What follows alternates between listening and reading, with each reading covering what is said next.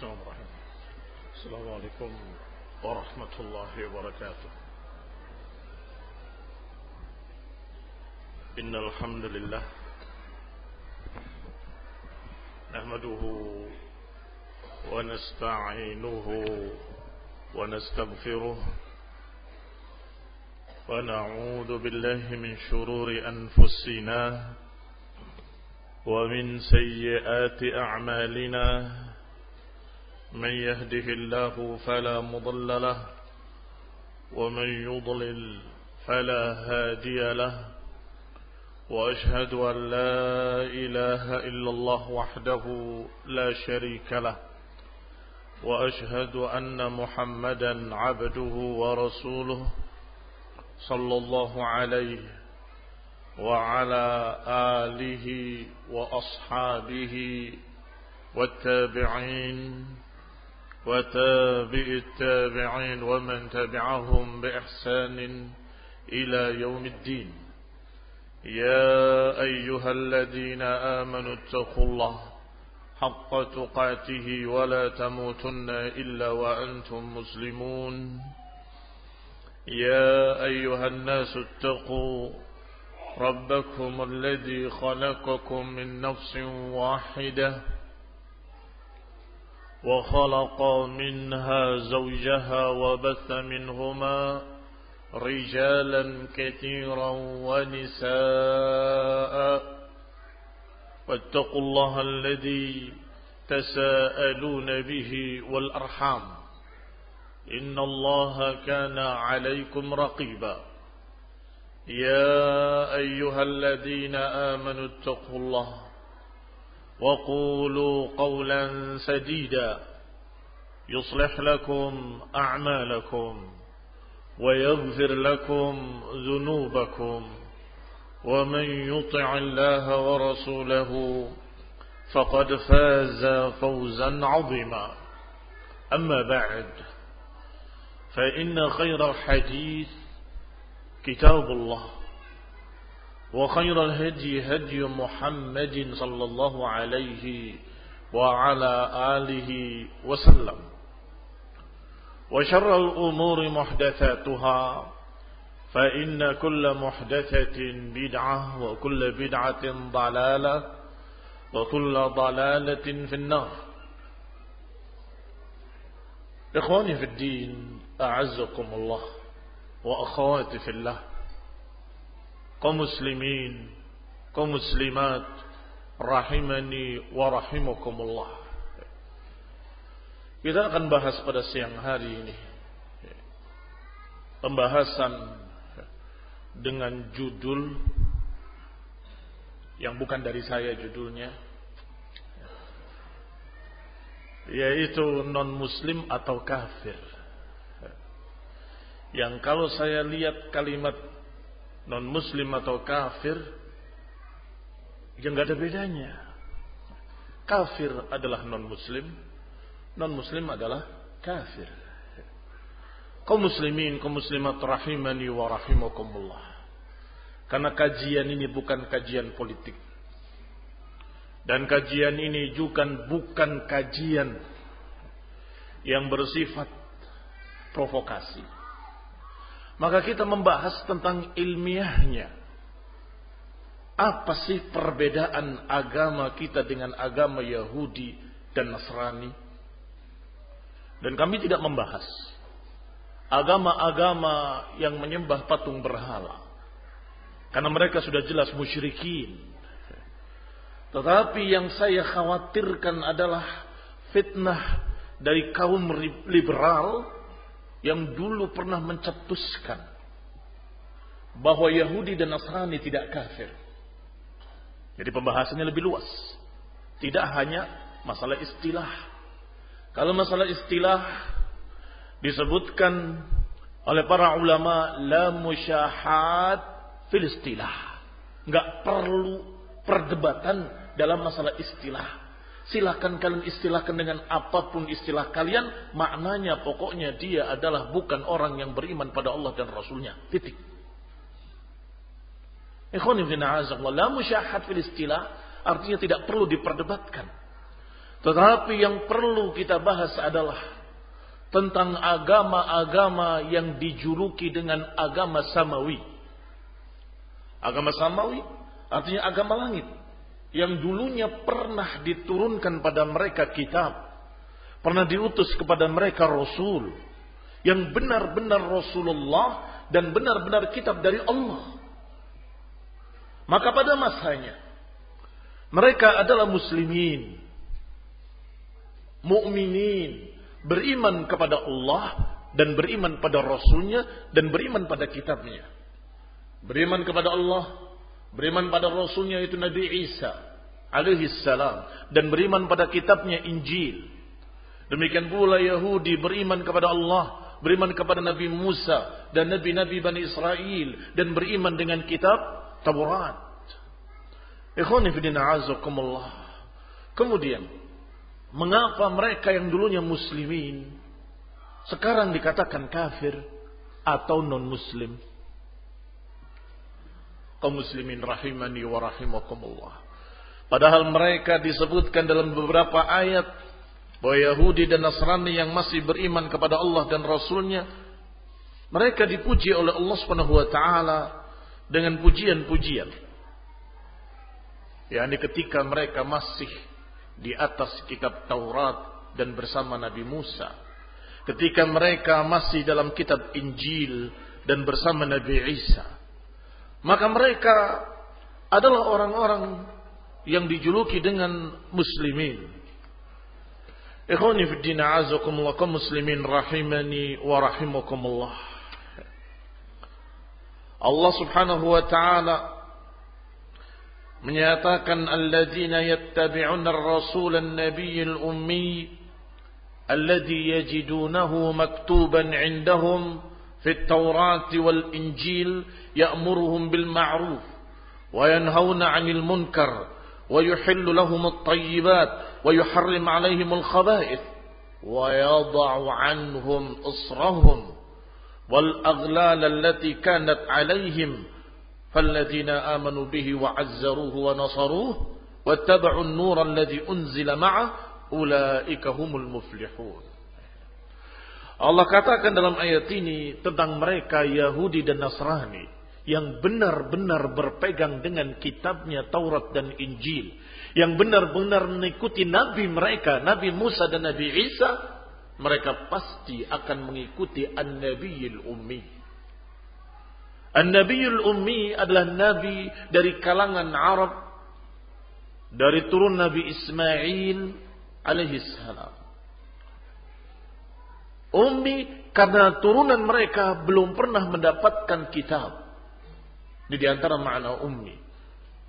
Turun kitab pada Bani Israel dan turun kitab pada kaum Ibrani dan beberapa kaum-kaum yang bersama Nabi Ibrahim alaihissalam. Tetapi turunan Ismail yang dijuluki dengan Arab.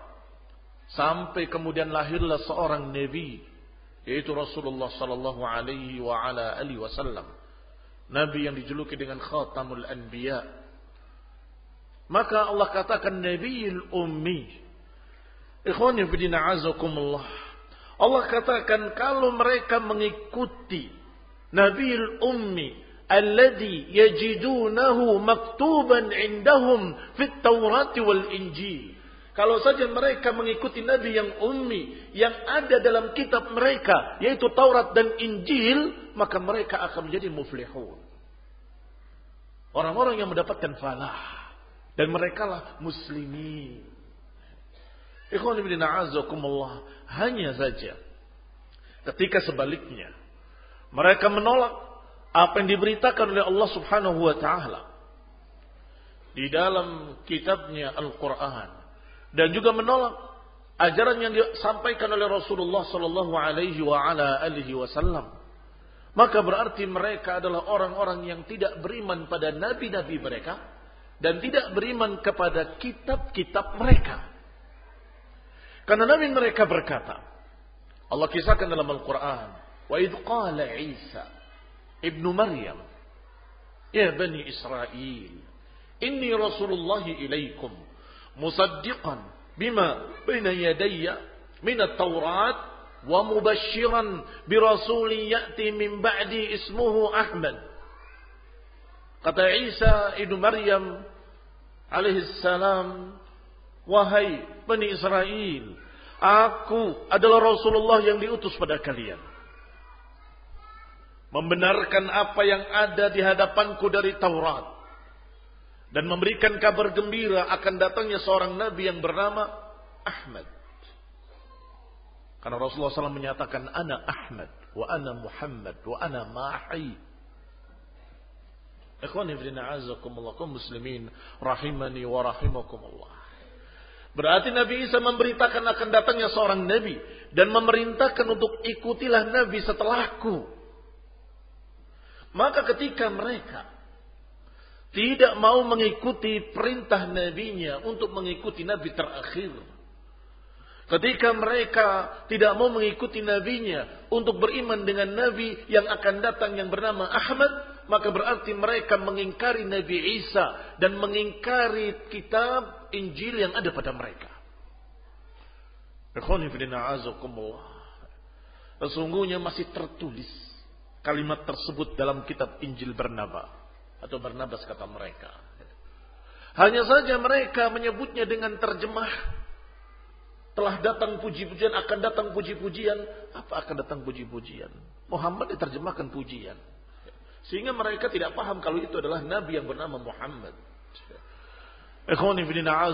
Entah sengaja atau tidak sengaja mereka mentahrif merubah kalimat-kalimat dari tempat-tempatnya. Tidak ada satu Injil pun yang tertulis dengan bahasa aslinya dan tidak berubah, tidak ada. Dan itu mereka akui. Semua dengan bahasa-bahasa lain. Bahasa-bahasa yang entah terjemahannya benar atau salah. Atau terjemahannya tepat atau tidak tepat. Itu yang ada pada mereka. Maka ikhwani fiddina azakumullah. Islam datang dibawa oleh Rasulullah sallallahu alaihi wa ala alihi wasallam.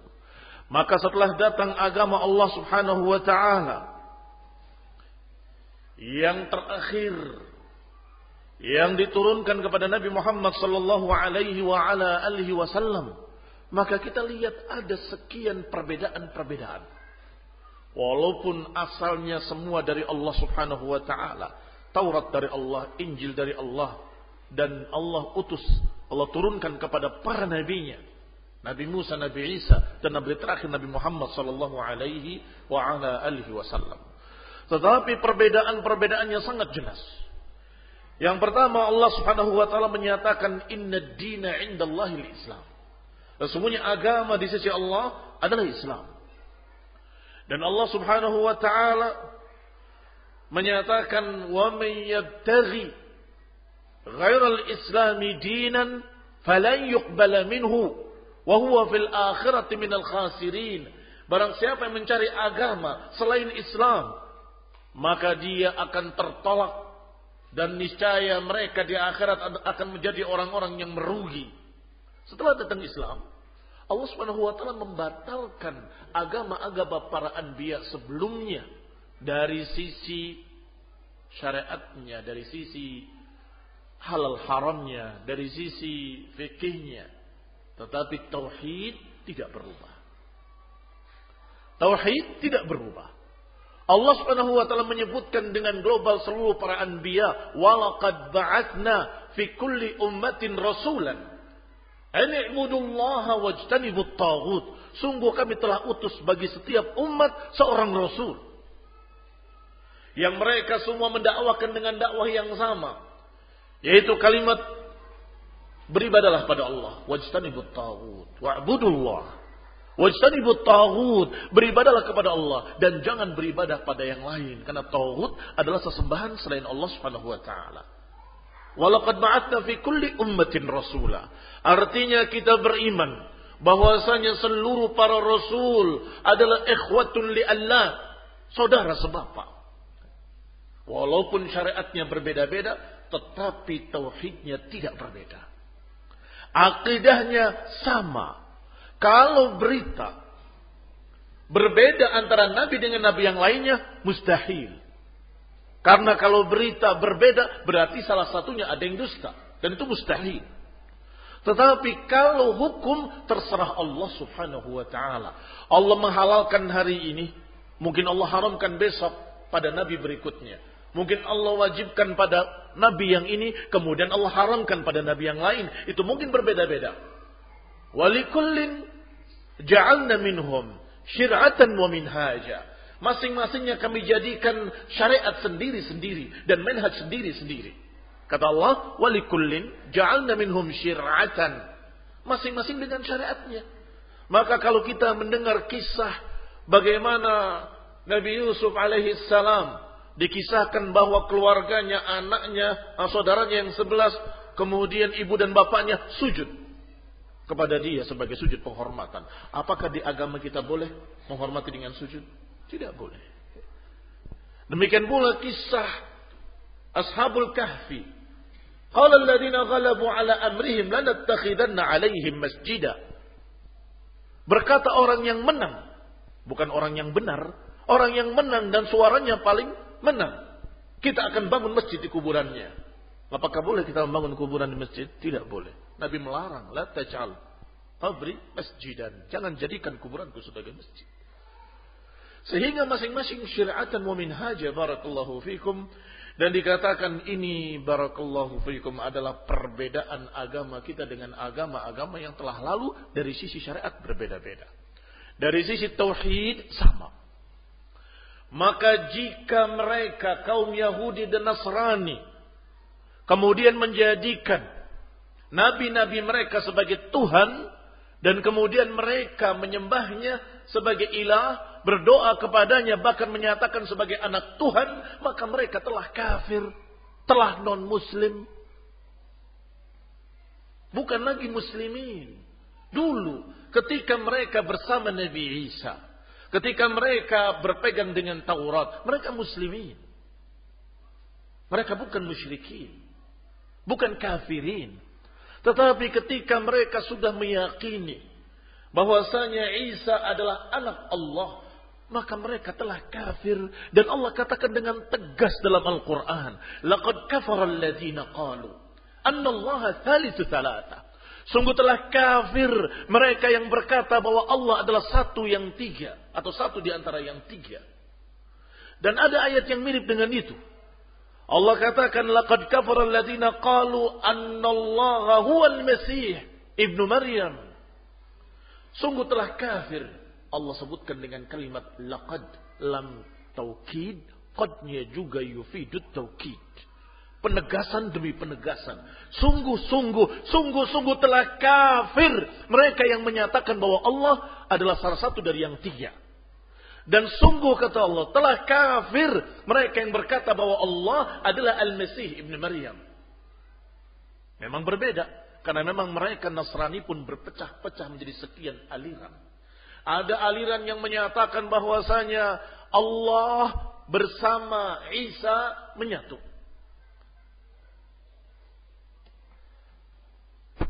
Alhamdulillah. Mereka menyatakan dengan istilah nasutiyah dengan lahutiyah. Lahutiyah sifat keilahan. Nasutiyah sifat kemanusiaan. Lahutiyah dengan Nasutiyah menyatu dalam tubuh Isa alaihi salam. Kalau mereka mati di salib, maka itu yang mati adalah Nasutiyahnya. Lahutiyahnya tetap hidup, kata mereka. Ikhwani fiddina azakum lakum muslimin rahimani wa rahimakumullah. Maka Allah katakan, laqad kafara Sungguh telah kafir orang-orang yang berkata annallaha huwal masih. Al-Masih huwa Allah. Atau Allah huwa Al-Masih. Laqad kafar. Maka dia telah kafir. Maka sungguh telah kafir Allah orang-orang yang berkata bahwa mereka tidak kafir. Yaitu dulu pernah dikatakan bahwasanya siapa yang berkata Yahudi dan Nasrani kafir maka mondok lagi. Berarti dia masih bodoh. Ikhwan ibn. Mondok di mana? Mondok di mana untuk mengatakan bahwa Yahudi dan Nasrani tidak kafir? Mau dikemanakan ayat Allah subhanahu wa ta'ala yang menyatakan laqad kafara. Sungguh-sungguh telah kafir. Kau muslimin rahimani wa rahimakumullah. Mereka bermain kata. Mereka bermain filsafat. Mereka bermain bahasa dan bermain istilah untuk menggabungkan semua agama menjadi satu agama oplosan. Dan korban oplosan sudah banyak.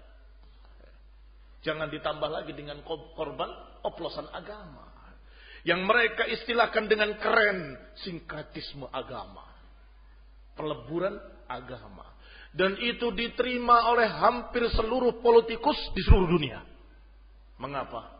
Karena pikiran mereka. Kalau saja semua agama itu tumpul dan kemudian bisa digabungkan jadi satu, maka negeri akan aman.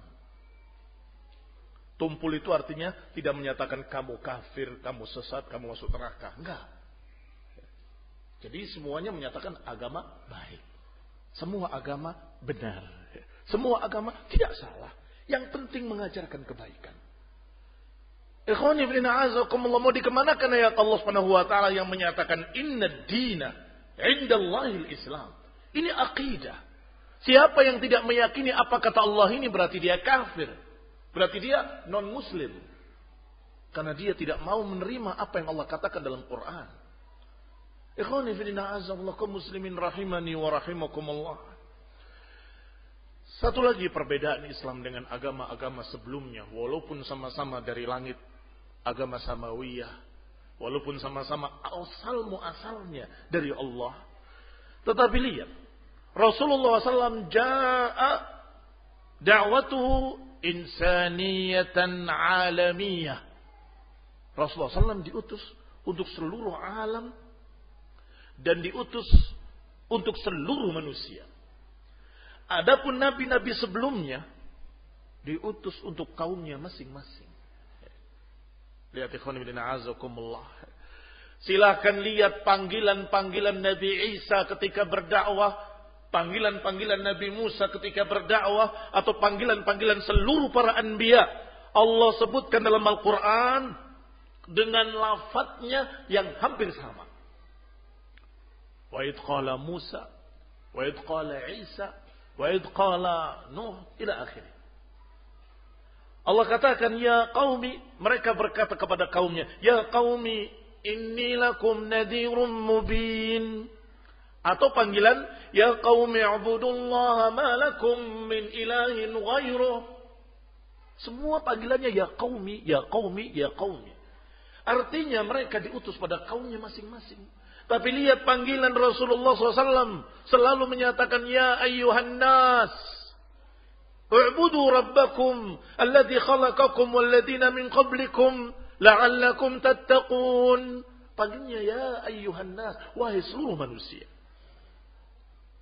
Atau di ayat lain Allah ceritakan dalam surat An-Nisa ayat 174. Ya ayuhan nasu qad ja'akum burhanum min rabbikum.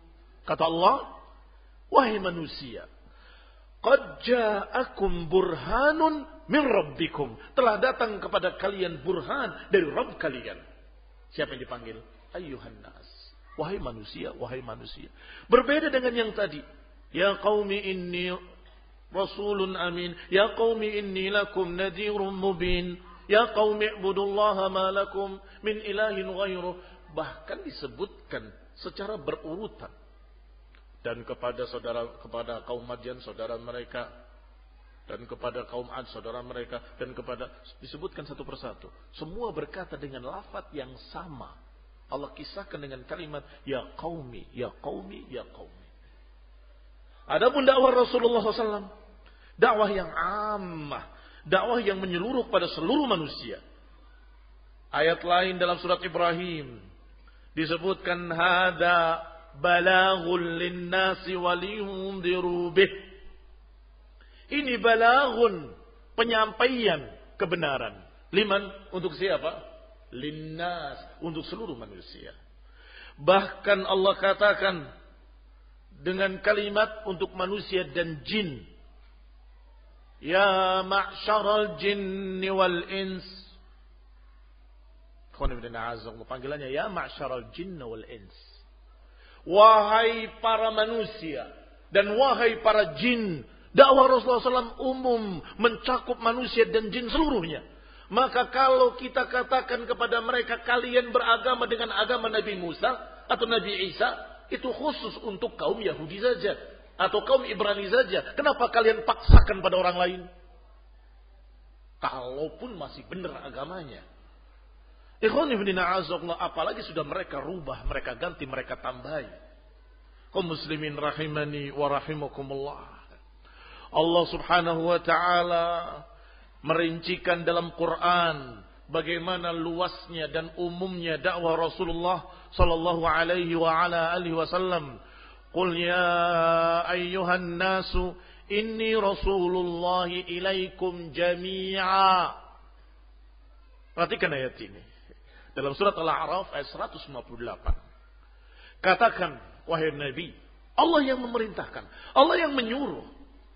Ya ayuhan Nabi, wahai Nabi, Katakan pada mereka. Ya ayyuhan nas, inni Rasulullah ilaikum jami'a.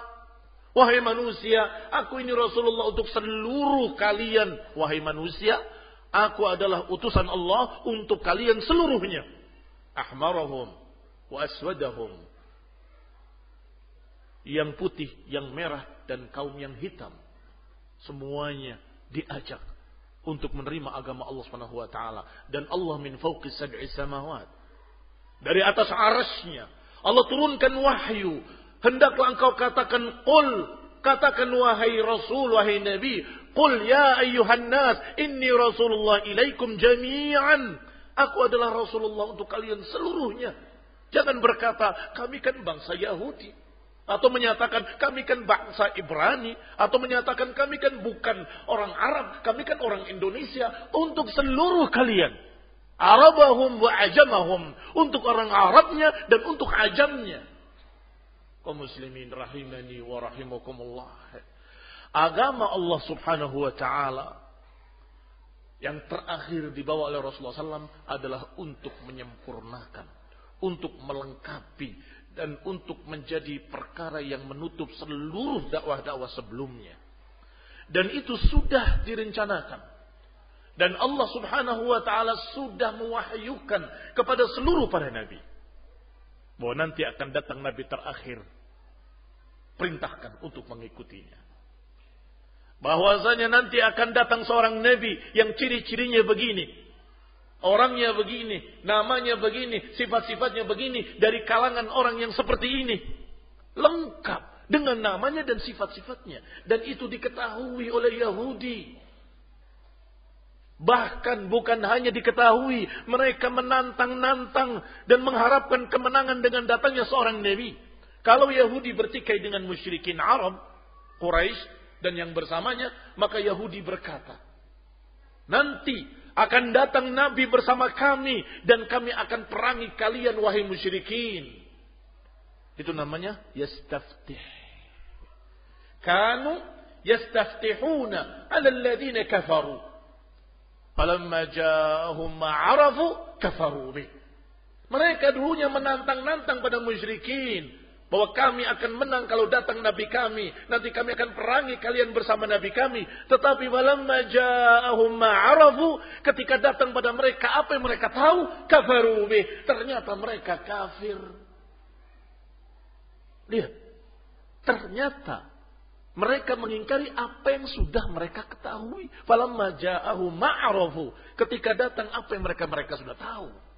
Sudah tahu akan datangnya. Sudah tahu ciri-cirinya bahkan Ka'ab ibn Ashraf dan yang bersamanya dari pendeta Yahudi berbisik sesama mereka.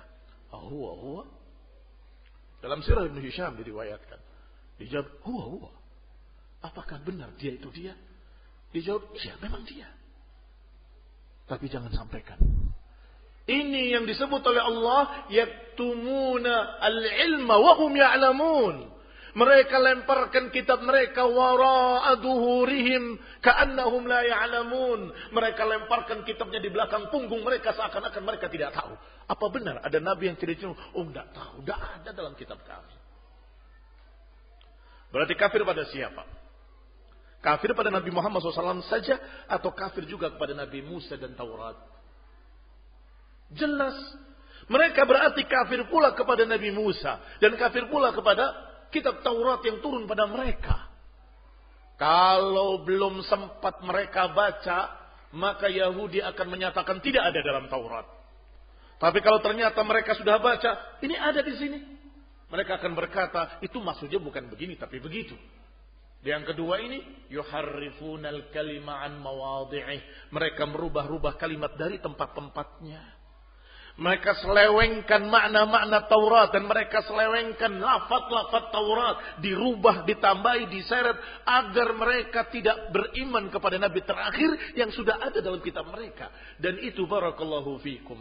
Kebenarannya dibuktikan oleh Yahudi sendiri. Mengapa? Karena saksinya terlalu banyak dalam sejarah. Kalau Yahudi selalu menunggu-nunggu. Bahkan sejarahnya Yahudi kenapa ada di Madinah? Tanyakan pada mereka yang ngerti sejarah. Mengapa kok bangsa Yahudi ada di Madinah? Padahal Madinah itu adalah bukan negaranya atau bukan tempatnya Yahudi. Tanyakan pada mereka. Mereka sampai berangkat ke tempat yang digambarkan, diriwayatkan dalam kitab mereka Taurat dan dalam ucapan Nabi mereka Nabi Musa bahwa nanti akan turun seorang nabi di tempat yang begini, begini, begini. Ikutilah Nabi tersebut. Ciri-cirinya banyak pohon kurma. Ciri-cirinya begini dan begitu. Didatangi. Taib. Bukti kedua, Salman Al-Farisi. Yang mencari kebenaran. Maka dia pertama bersama orang-orang Nasrani. Pendeta Nasrani. Nasrani yang pertama mati, dia berpindah kepada Nasrani, tokoh pendeta yang kedua. Sampai yang ketiga, dia berkata, bagaimana kalau engkau mati aku bersama siapa? Sekarang ini adalah waktu akan datangnya seorang nabi. Datanglah engkau ke tempat yang begini, begini, begini, yang namanya Yathrib, yang banyak pohon kurma, akan datang nabi ke sana sebagai tempat hijrah beliau. Ciri-cirinya di pundaknya ada tanda kenabian, stempel kenabian seperti uh, telur burung dan dia tidak menerima sodakoh dan dia menerima hadiah. Ila akhirih. Ila akhir kisah yang semua sudah tahu kisahnya. Yang ini Nasrani yang itu Yahudi. Berarti kedua-duanya sudah tahu akan datangnya seorang Nabi. Kalau mereka mengingkari berarti mereka kafir kepada siapa kafir? Kafir pada Taurat mereka sendiri dan Injil mereka sendiri. Kafir kepada Nabi mereka sendiri dan kafir kepada apa yang diutus pada mereka dan Nabi Musa dan Nabi Isa alaihi wassalatu wassalam. Kalau mau ditambah kafir kepada seluruh para anbiya dan kafir pada seluruh kitab-kitab. Karena para nabi memberitakan akan datang seorang nabi terakhir. Seluruh kitab-kitab yang turun juga memberitakan akan datangnya seorang nabi terakhir yang menjadi khatamul anbiya, penutup para nabi. Maka Allah menyatakan lagi tabarakalladzi nazzala al-furqana ala 'abdihi liyakuna lil 'alamin nadhira. Maha suci Allah yang menurunkan Furqan kepada hambanya liyakuna lil alamin nadira untuk menjadi nadir pemberi peringatan untuk seluruh alam. Ikhwan ibn lihat nabi yang sifatnya am, umum. Sehingga Rasulullah SAW juga pernah berkata, "U'titu khamsan lam yu'tahunna ahadun minal anbiya'i qabli." Aku diberi lima keistimewaan yang berbeda dengan nabi-nabi sebelumku. Pertama, nusirtu birru'bi masirata syahrin. Aku diberi kemenangan. Dengan rasa takut yang ditimpakan pada musuh-musuhku. Sejarak sebulan perjalanan. Yang kedua, Ju'ilat liyal ardu masjidan wa tahura. Dijadikan untukku masjid sebagai masjid dan tahur. Tempat salat. Fa'ayyuma rajulin adrakathu salat falyusalli. Maka siapa pun orang yang datang padanya waktu salat, silahkan sholat. Tempatnya ada, untuk berwudunya ada. Kalau nggak ada air, tayamum dengan ardon tahura. Karena ardon dikatakan tahur. Yang kedua. Yang ketiga, uhilat liyal ghanaim. Walam tahil liahadin qabli. Dihalalkan untukku ghanimah, pampasan perang. Tidak dihalalkan untuk nabi-nabi sebelumku. Ghanimah, pampasan perang dulu di zaman para anbiya itu dikumpulkan di padang pasir dan ditunggu nanti akan ada petir yang menyambarnya dan kemudian hangus semuanya. Tidak diberikan ke sana, tidak diberikan ke sini. Tapi kemudian Nabi menyatakan sedangkan bagiku dihalalkan. Ini yang saya katakan tadi masalah syariat berbeda-beda. Ghanaim wa syafa'ah dan aku diberi syafaat. Ini yang keempat. Apa yang kelima? Wa kana an-nabiyyu yub'atsu ila qaumihi khassah Wa bu'istu ila nasi kafah. Nabi terdahulu diutus masing-masing pada kaumnya. Wa bu'istu ila nasi kafah. Sedangkan aku diutus untuk seluruh manusia. Ini perbedaan. Maka setelah datang Nabi Muhammad SAW, seluruh manusia wajib menerima dakwah Rasulullah Sallallahu Alaihi Wasallam. Yang tidak menerima dakwah Rasulullah SAW maka dia kafir non pengikut Muhammad SAW. Ikhwani bidina azakullakum muslimin rahimani wa rahimakumullah. Rasulullah sallallahu alaihi wa ala alihi wasallam mengisyaratkan dengan kalimat tadi bahwa dakwah beliau mencakup atau untuk seluruh manusia. Siapa yang mengingkarinya maka dia kafir. Adapun waktu itu Nabi mengajak pada kaumnya. Adapun kaum lain tidak ikut tidak apa-apa. Ikut Nabi lainnya. Karena masing-masing ada nabinya sendiri-sendiri. Innama yub'atsu ila qaumihi khassa. Wa bu'itha an-nabiyyu ila qaumihi khassa wa bu'ithu ila an-nasi kaffah. Maka beliau sallallahu alaihi wa ala alihi wasallam di antara keistimewaan berikutnya adalah penutup para anbiya. La nabiyya ba'dah. Tidak ada lagi nabi setelahnya. Mengapa? Karena beliau diutus oleh Allah dengan agama yang sempurna. Allah turunkan ayatnya. Al-yawma akmaltu lakum dinakum wa atmamtu alaikum ni'mati wa raditu lakumul islam madina. Hari ini telah aku sempurnakan bagi kalian agama kalian dan aku sempurnakan nikmatku atas kalian dan aku ridha Islam sebagai agama kalian. Ini ayat barakallahu fikum turun dibacakan oleh Nabi SAW, orang Yahudi merasa tertarik dan merasa iri. Dan menyatakan sungguh demi Allah, kalau ayat itu turunnya pada kami, kami akan jadikan hari turunnya sebagai hari raya. Kalau ayat itu turunnya pada kami, kami akan jadikan hari turunnya adalah hari raya. Akan kami besarkan harinya, hari turunnya ayat itu. Disampaikan kalimat ini oleh seorang Yahudi kepada Umar bin Khattab radhiyallahu taala anhu ketika menjadi khalifah. Maka kata Umar bin Khattab radhiyallahu taala anhu, aku tahu kapan turunnya ayat itu. Yaitu di hari Arafah dan turun di Arafah di bulan Dhul Hijjah. Hari besar. Tidak perlu pakai mengada-adakan bid'ah. Kita bikin hari raya, kita bikin hari raya. Tidak perlu engkau yang bikin. Allah sudah turunkan di hari besar. Allah sudah turunkan di hari raya. Yaitu hari raya Idul Adha. Di tanggal 9 Dhul Hijjah turunnya. Kemudian mereka wukuf di Arafah orang-orang yang haji. Dan kemudian pada tanggal 10-nya dirayakan oleh seluruh kaum muslimin. Mengapa jadi hari besar? Karena turun ayat Allah Subhanahu wa taala hari ini telah aku sempurnakan bagi kalian agama kalian.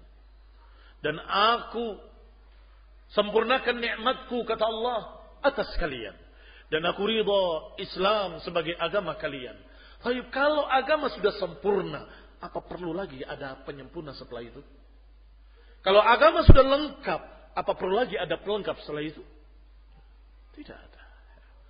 Tapi pertanyaannya, apakah agama-agama terdahulu kurang lengkap atau tidak lengkap? Ikhwani fidina azakumullah. Allah subhanahu wa ta'ala berkehendak. Wahuwa fa'alun lima yuri. Dan Allah maha melakukan apa pun yang dikehendakinya.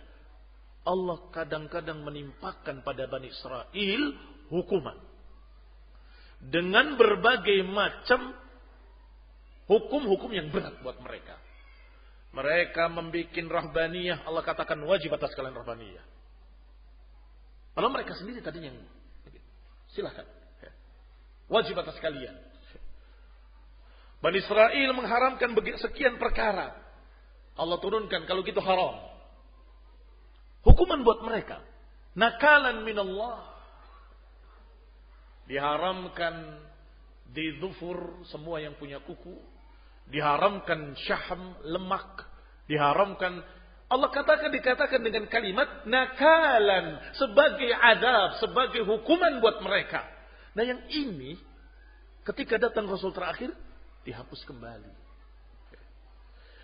Ayatnya berbunyi dengan kalimat yang sudah kita baca tadi sebagiannya yaitu kalimat alladzina yattabi'una ar-rasul nabiyil ummi ila akhirih. Lihat pada kalimat alladzina atau alladzi yajidunahum yang mereka dapati yajidunahu maktuban indahum yang sudah tertulis di dalam kitab Taurat wal Injil ya'muruhum bil ma'ruf wa yanhahum 'anil munkar menyuruh mereka pada yang ma'ruf mencegah dari yang mungkar wa yuhillu lahumut dan menghalalkan yang baik-baik yang dulu pernah diharamkan sebagai hukuman bagi Bani Israel Wa yuharrim alaihim al-khaba'ith dan diharamkan yang jelek-jelek. Wa yadau anhum israhum. Perhatikan kalimat ini. Wa yadau anhum israhum dan diletakkan atau dicabut beban berat yang ada pada mereka. Dicabut oleh Allah wal kanat alaihim dan dilepas belenggu-belenggu yang tadinya ada pada mereka. Mereka terbelenggu dengan sekian hukum-hukum yang asalnya mereka sendiri yang membuat, kemudian Allah katakan kalau begitu wajib atas kalian. Jadi berat buat mereka. Ikhwan ibn a'azakumullah ternyata Nabi ini Nabi terakhir membatalkan beban berat yang ada pada mereka. Seharusnya Bani Israel bangsa Yahudi dan kaum Nasrani seharusnya gembira dengan agama terakhir ini karena meringankan mereka. Yadau anhum israhum. Melepaskan beban yang berat atas mereka. Wal allati kanat alaihim. Dan melepaskan belenggu-belenggu yang tadinya ada pada mereka. Dilepaskan.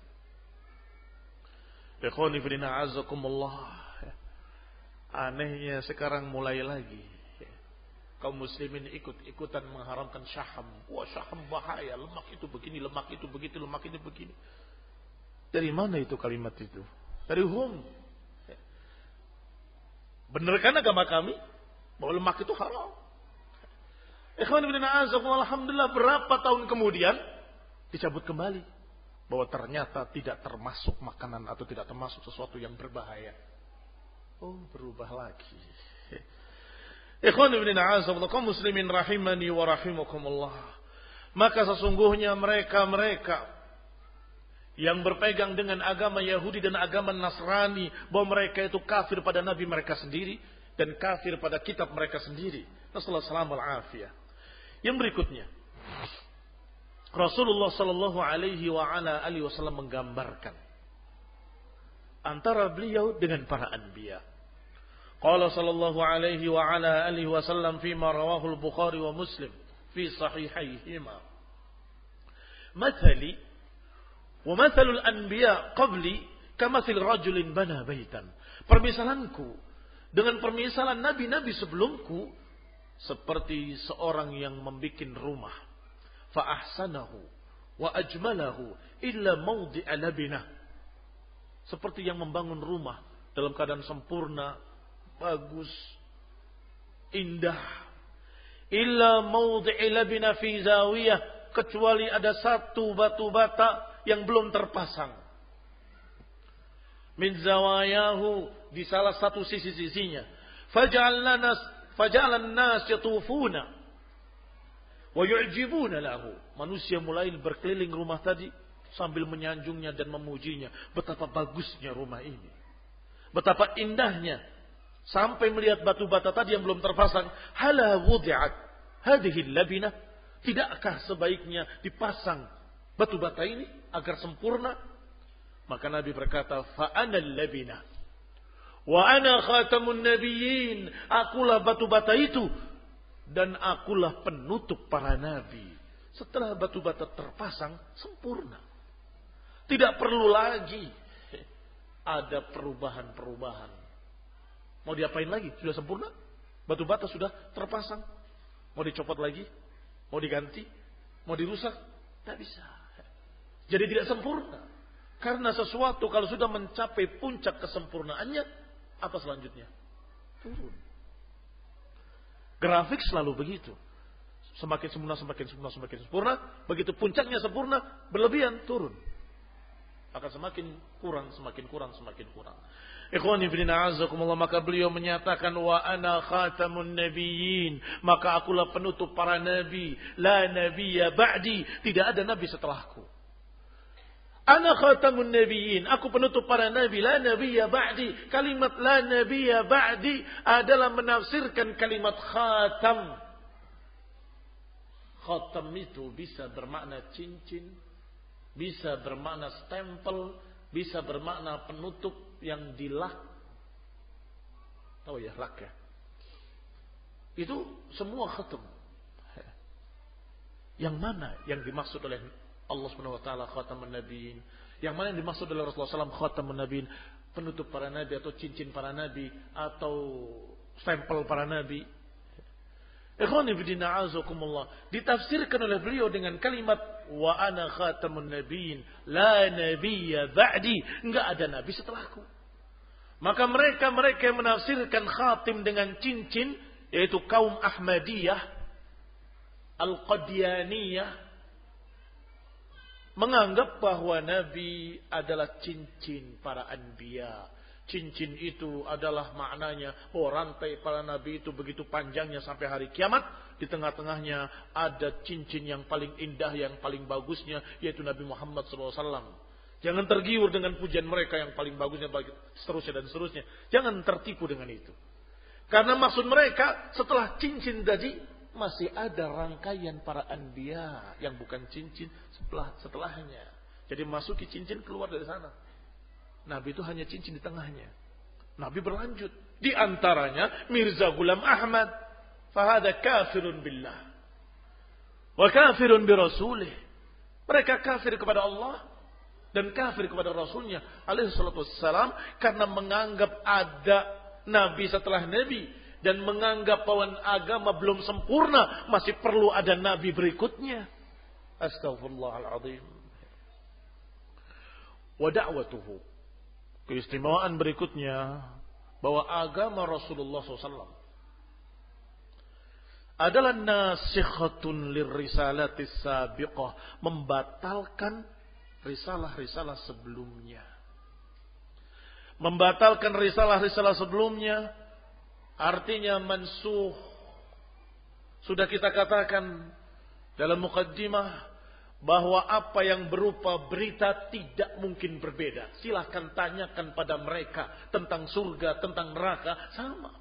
Silahkan tanya pada mereka tentang Dajjal, mereka tahu. Tanyakan pada mereka tentang berita-berita. Yang para anbiya memberitakan berita-berita itu pasti sama. Kecuali kalau mereka merubah-rubahnya. Mesti sama. Kita cerita Nabi Nuh, mereka punya cerita Nabi Nuh. Artinya mereka tahu ada nabi yang namanya Nuh alaihissalam. Kita berbicara Nabi Yusuf, mereka kenal Yosef. Kita berbicara tentang Ibrahim, mereka kenal Abraham. Kita bicara apa saja yang merupakan berita yang telah lalu sama karena mereka menerima pula berita-berita tersebut selama mereka belum dirubah. Tidak berubah. Tetapi kalau syariat terserah Allah taala. Allah menghalalkan kemudian mengharamkan, mengharamkan kemudian menghalalkan. Jangankan antara nabi dengan nabi lainnya. Satu nabi pun di antara perintah dan perintah berikutnya bisa berubah.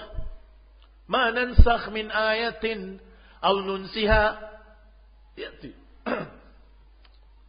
Allah Subhanahu wa taala menyatakan bahwa tidaklah kami mansuhkan satu ayat au nunsiha Nanti bi khairin minha au mitliha. Kami akan datangkan yang lebih baik atau mitliha.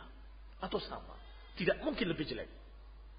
Pertama kiblatnya ke arah Baitul Maqdis. Kemudian turun perintah. Wallu wujuhakum syatral masjidil haram. Hadapkan wajahmu ke masjidil haram.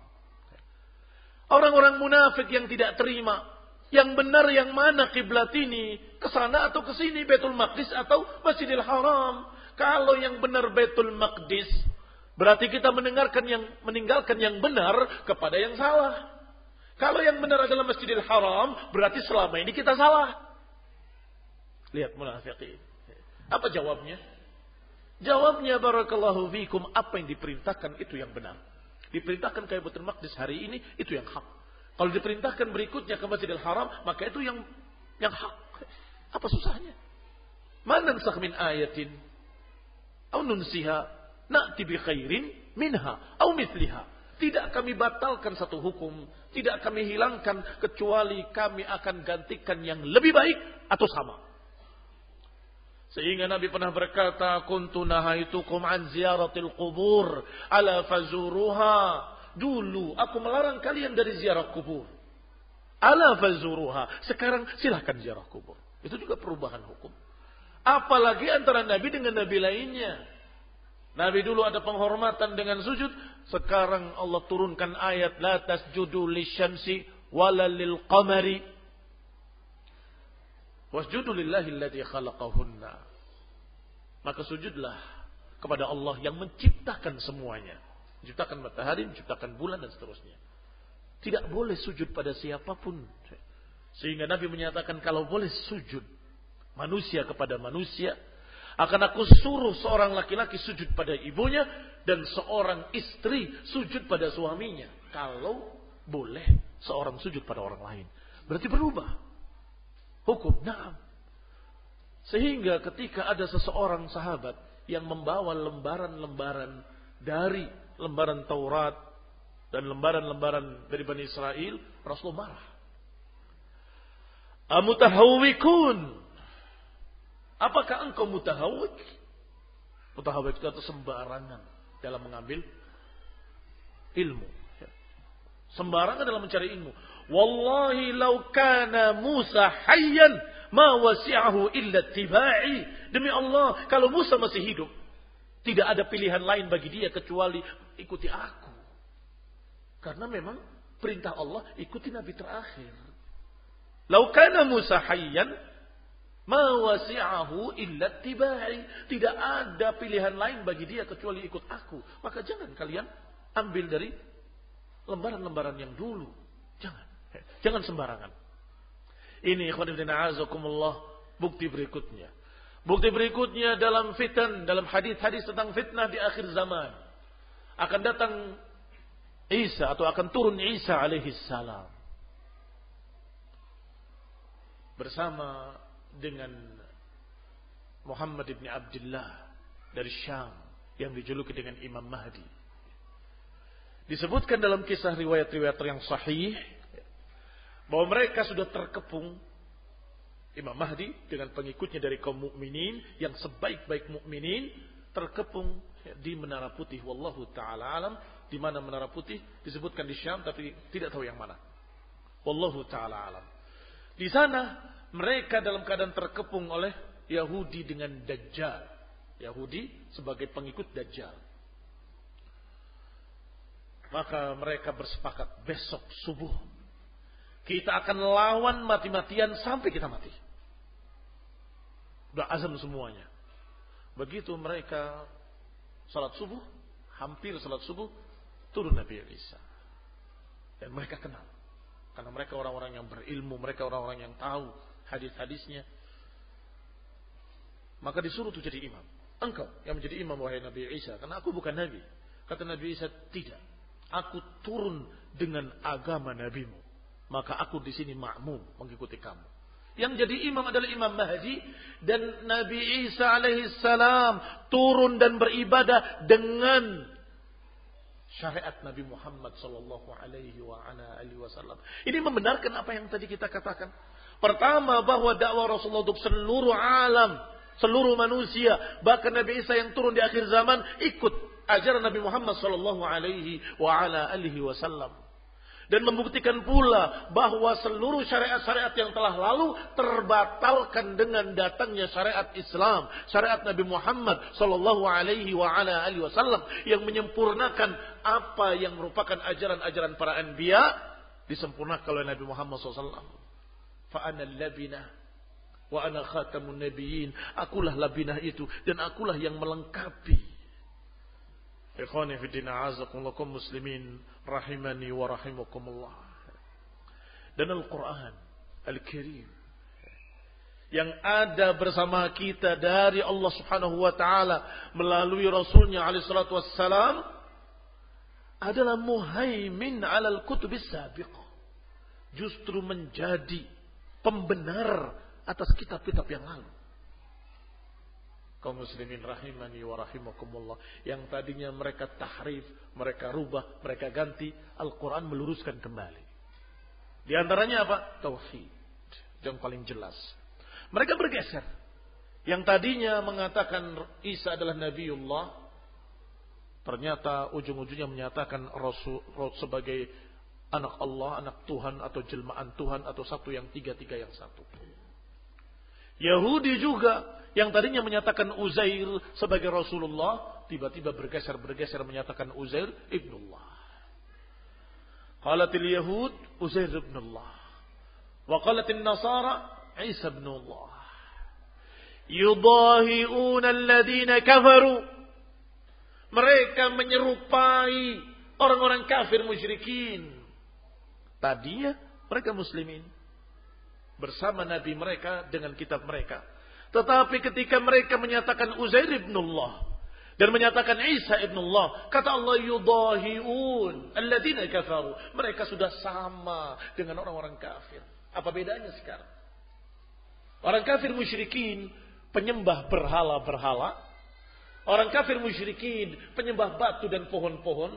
Orang kafir dan musyrikin yang menyembah tokoh-tokoh mereka. Ternyata Yahudi dan Nasrani juga menyembah nabi-nabi mereka. Menyembah Uzair sebagai anak Tuhan. Atau menyembah Isa sebagai anak Tuhan. Malfarq. Apa perbedaannya? Yudahi'un alladhina kafaru. Mereka menyerupai orang-orang kafir. Qatalahumullah. Kau muslimin rahimani wa rahimakumullah. وأنزلنا إليك الكتاب بالحق مصدقا لما بين يديه من الكتاب ومهيمنا عليه Perhatikan. Kami turunkan kepadamu kitab dengan kebenaran. Wahai Rasul. Kami turunkan kitab kepadamu dengan kebenaran. Musaddiqun lima baina yadai. Membenarkan apa yang ada di hadapan mereka. Dari kitab-kitab terdahulu. Ini membenarkan dari sisi akidah. Dari sisi berita-beritanya. Silahkan. Ya. Kalian lihat. Sama. Rasulullah SAW ummi. Tidak membaca. Tidak menulis. Tetapi yang diberitakan oleh Rasulullah SAW persis seperti yang ada dalam Taurat mereka dan Injil mereka. Sesungguhnya Rasulullah SAW membenarkan berita-berita mereka. Membenarkan apa yang ada dalam Taurat dan Injil mereka. Kaum muslimin rahimani wa rahimakumullah. Anehnya mereka justru menentang. Karena apa? Bagian bainahum karena bagi. Biha. Wastaiqanatha anfusuhum. Zulman wa uluwa. Jahadu biha. Mereka menentangnya. Wastaiqanatha anfusuhum. Padahal jiwa-jiwa mereka, hati-hati mereka, istaiqanatha. Meyakini kalau itu hak. Mengapa? zulman wa uluwa. Karena kedoliman dan karena sombong. Dia berharap, berharap, berharap kalau Nabi itu dari kalangan mereka. Ternyata Nabi itu dari kalangan Arab. Dari kalangan yang dianggap dalam tanda petik musuh mereka. Karena bertikai terus sebelum datangnya Nabi antara Yahudi dengan musyrikin Arab.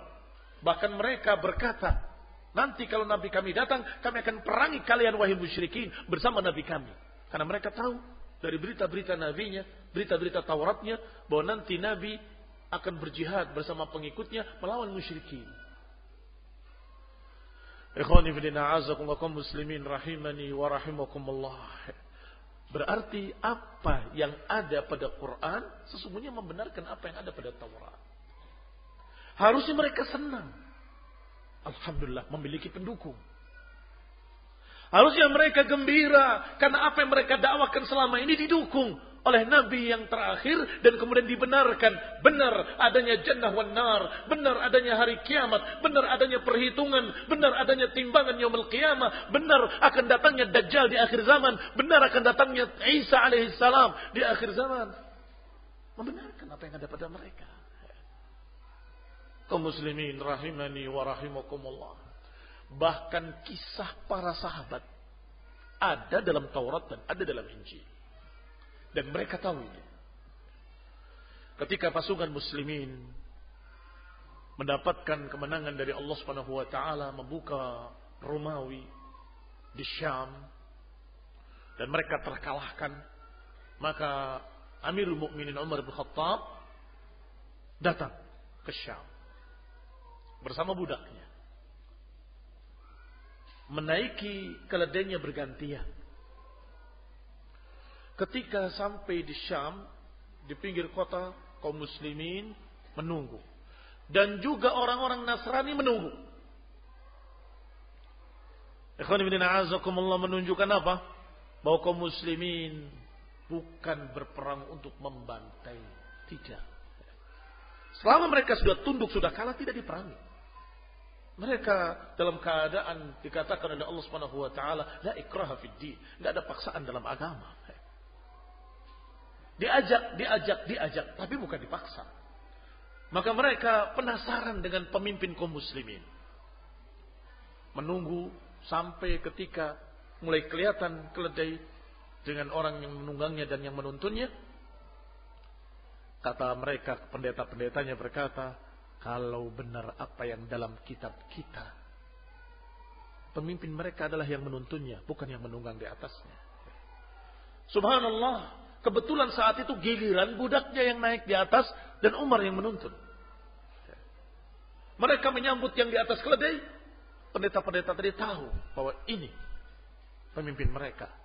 Maka budak yang menyatakan bukan aku, bukan kau. Ini Amirul Mukminin yang menuntunnya. Sebagian besar mereka masuk Islam ketika itu. Karena persis seperti yang mereka tahu dalam berita-berita mereka. Raja Herakla atau Heraklius Ketika datang pasukan dagang Quraisy dipimpin oleh Abu Sufyan radhiyallahu taala anhu sebelum masuk Islamnya. Sebelum masuk Islamnya. Beliau datang dengan pasukan dagang dipanggil oleh Raja Heraklius. Apakah kalian dari kalangan Arab? Iya. Apakah kalian dari Quraisy? Iya. Aku mau bertanya dengan beberapa pertanyaan. Pertanyaan pertama, apakah benar ada seorang yang mengaku nabi di sana? Dijawab, betul. Apa dakwahnya? Kata Abu Sufyan, dakwahnya adalah qulu la ilaha illallah tuflihu. Katakan, tidak ada yang berhak diibadahi kecuali Allah, kalian selamat. Kata Abu Sufyan, kalau saja aku tidak tahu dusta itu adalah akhlaknya para budak, aku akan berdusta. Tetapi karena dia tahu dusta itu akhlaknya orang rendahan, dia tidak berdusta, jujur. Apakah kalian berperang? Iya, aku berperang. Kami berperang. Mana yang menang? Si Jah. Kadang mereka menang, kadang kami menang.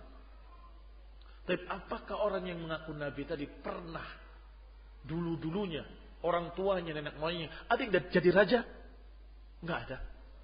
Apakah sebelum dia berkata dengan dakwah tauhid tadi, apakah dia pernah berdusta?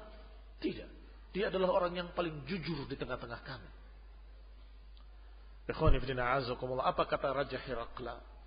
Kata Raja Herakla, Aku bertanya kepadamu, apakah dakwahnya? Kamu jawab mengajak kepada Allah dan itu sama. Kami mendengar Nabi yang akan mengajak kepada tauhid. Pertanyaan kedua, aku tanyakan kepadamu bagaimana perperangnya, menang atau kalah? Kamu katakan kadang menang, kadang kalah. Begitulah para anbiya. Kadang menang, kadang kalah. Dan ada para nabi-nabi Bani Israel yang terbunuh. Dibunuh oleh musuhnya. Aku tanyakan apakah ada nenek moyang yang jadi raja? Kalian katakan tidak ada. Dan aku kalau kalian jawab ada, mungkin aku berpikir ini hanya orang yang ingin merebut kerajaan bapaknya. Ingin mengembalikan kerajaan bapaknya. Aku tanyakan pada kalian, apakah dia pernah berdusta sebelum ini? Kalian katakan tidak pernah. Maka aku berkata, Raja Heraklius, kalau dia tidak pernah berdusta pada manusia selama 40 tahun, Apakah mungkin setelah berumur 40 tahun dia berdusta, berdusta atas nama Allah? Ya kan? Sama manusia aja nggak berani 40 tahun dia nggak berdusta. Apakah mungkin tiba-tiba dia berdusta atas nama Allah, pencipta manusia? Tidak mungkin. Itu pasti hak kata dia.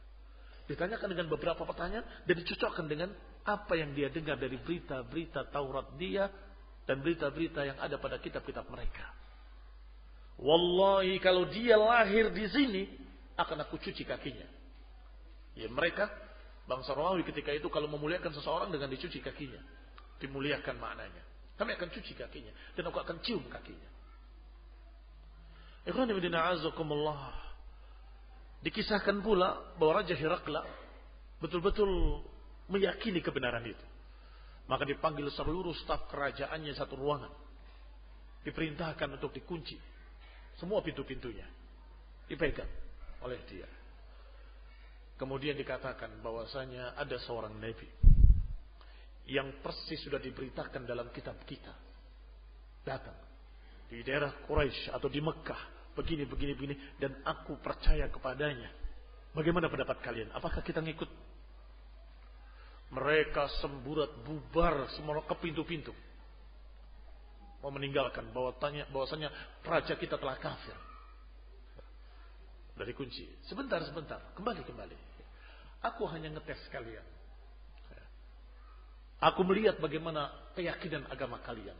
Ternyata aku melihat kekokohan agama kalian. Lihat azakumullah. Kebanyakan orang-orang dari kalangan Bani Israel atau golongan dari Nasrani atau golongan dari mereka Yahudi tidak menerima kebenaran ini bukan karena dia mengingkari kebenaran itu dari hatinya tidak. Rata-rata hanya karena zulman wa uluwa, keboliman dan karena kesombongan, gengsi. Kalau saya beriman, ini pengikutku akan bubar semua. Sudah terlihat bagaimana larinya mereka ke pintu-pintu. Maka diperalat kembali. Aku cuma ngetes. Habis itu dia kafir kembali. Na'udzubillah min dalik. Ikhwani bin a'azakumullah kaum muslimin rahimani wa rahimakumullah persis seperti apa yang Allah katakan jahadu biha wastaiqanatha anfusuhum zulman wa uluwa. Ikhwani fi din a'azakumullah kaum muslimin rahimani wa rahimakumullah. Allah Subhanahu wa taala mengutus Rasulullah SAW dengan agama yang sempurna sebagai penutup para nabi, pelengkap ajaran yang sebelumnya dan akan dimenangkan di atas seluruh agama. Ini janji Allah Subhanahu wa taala. Huwa alladhi arsala rasulahu bil huda wa dinil haq liyudhhirahu 'ala ad-din kulli walau karihal musyrikun. Dialah Allah yang mengutus rasulnya dengan huda, hidayah, wadinil haq dan agama kebenaran. Liyudhhirahu 'ala ad-din kullih untuk diangkat bahir dimenangkan atas seluruh agama. Walau karihal musyrikun walaupun orang-orang musyrik tidak suka. Ini pun janji Allah Subhanahu wa taala.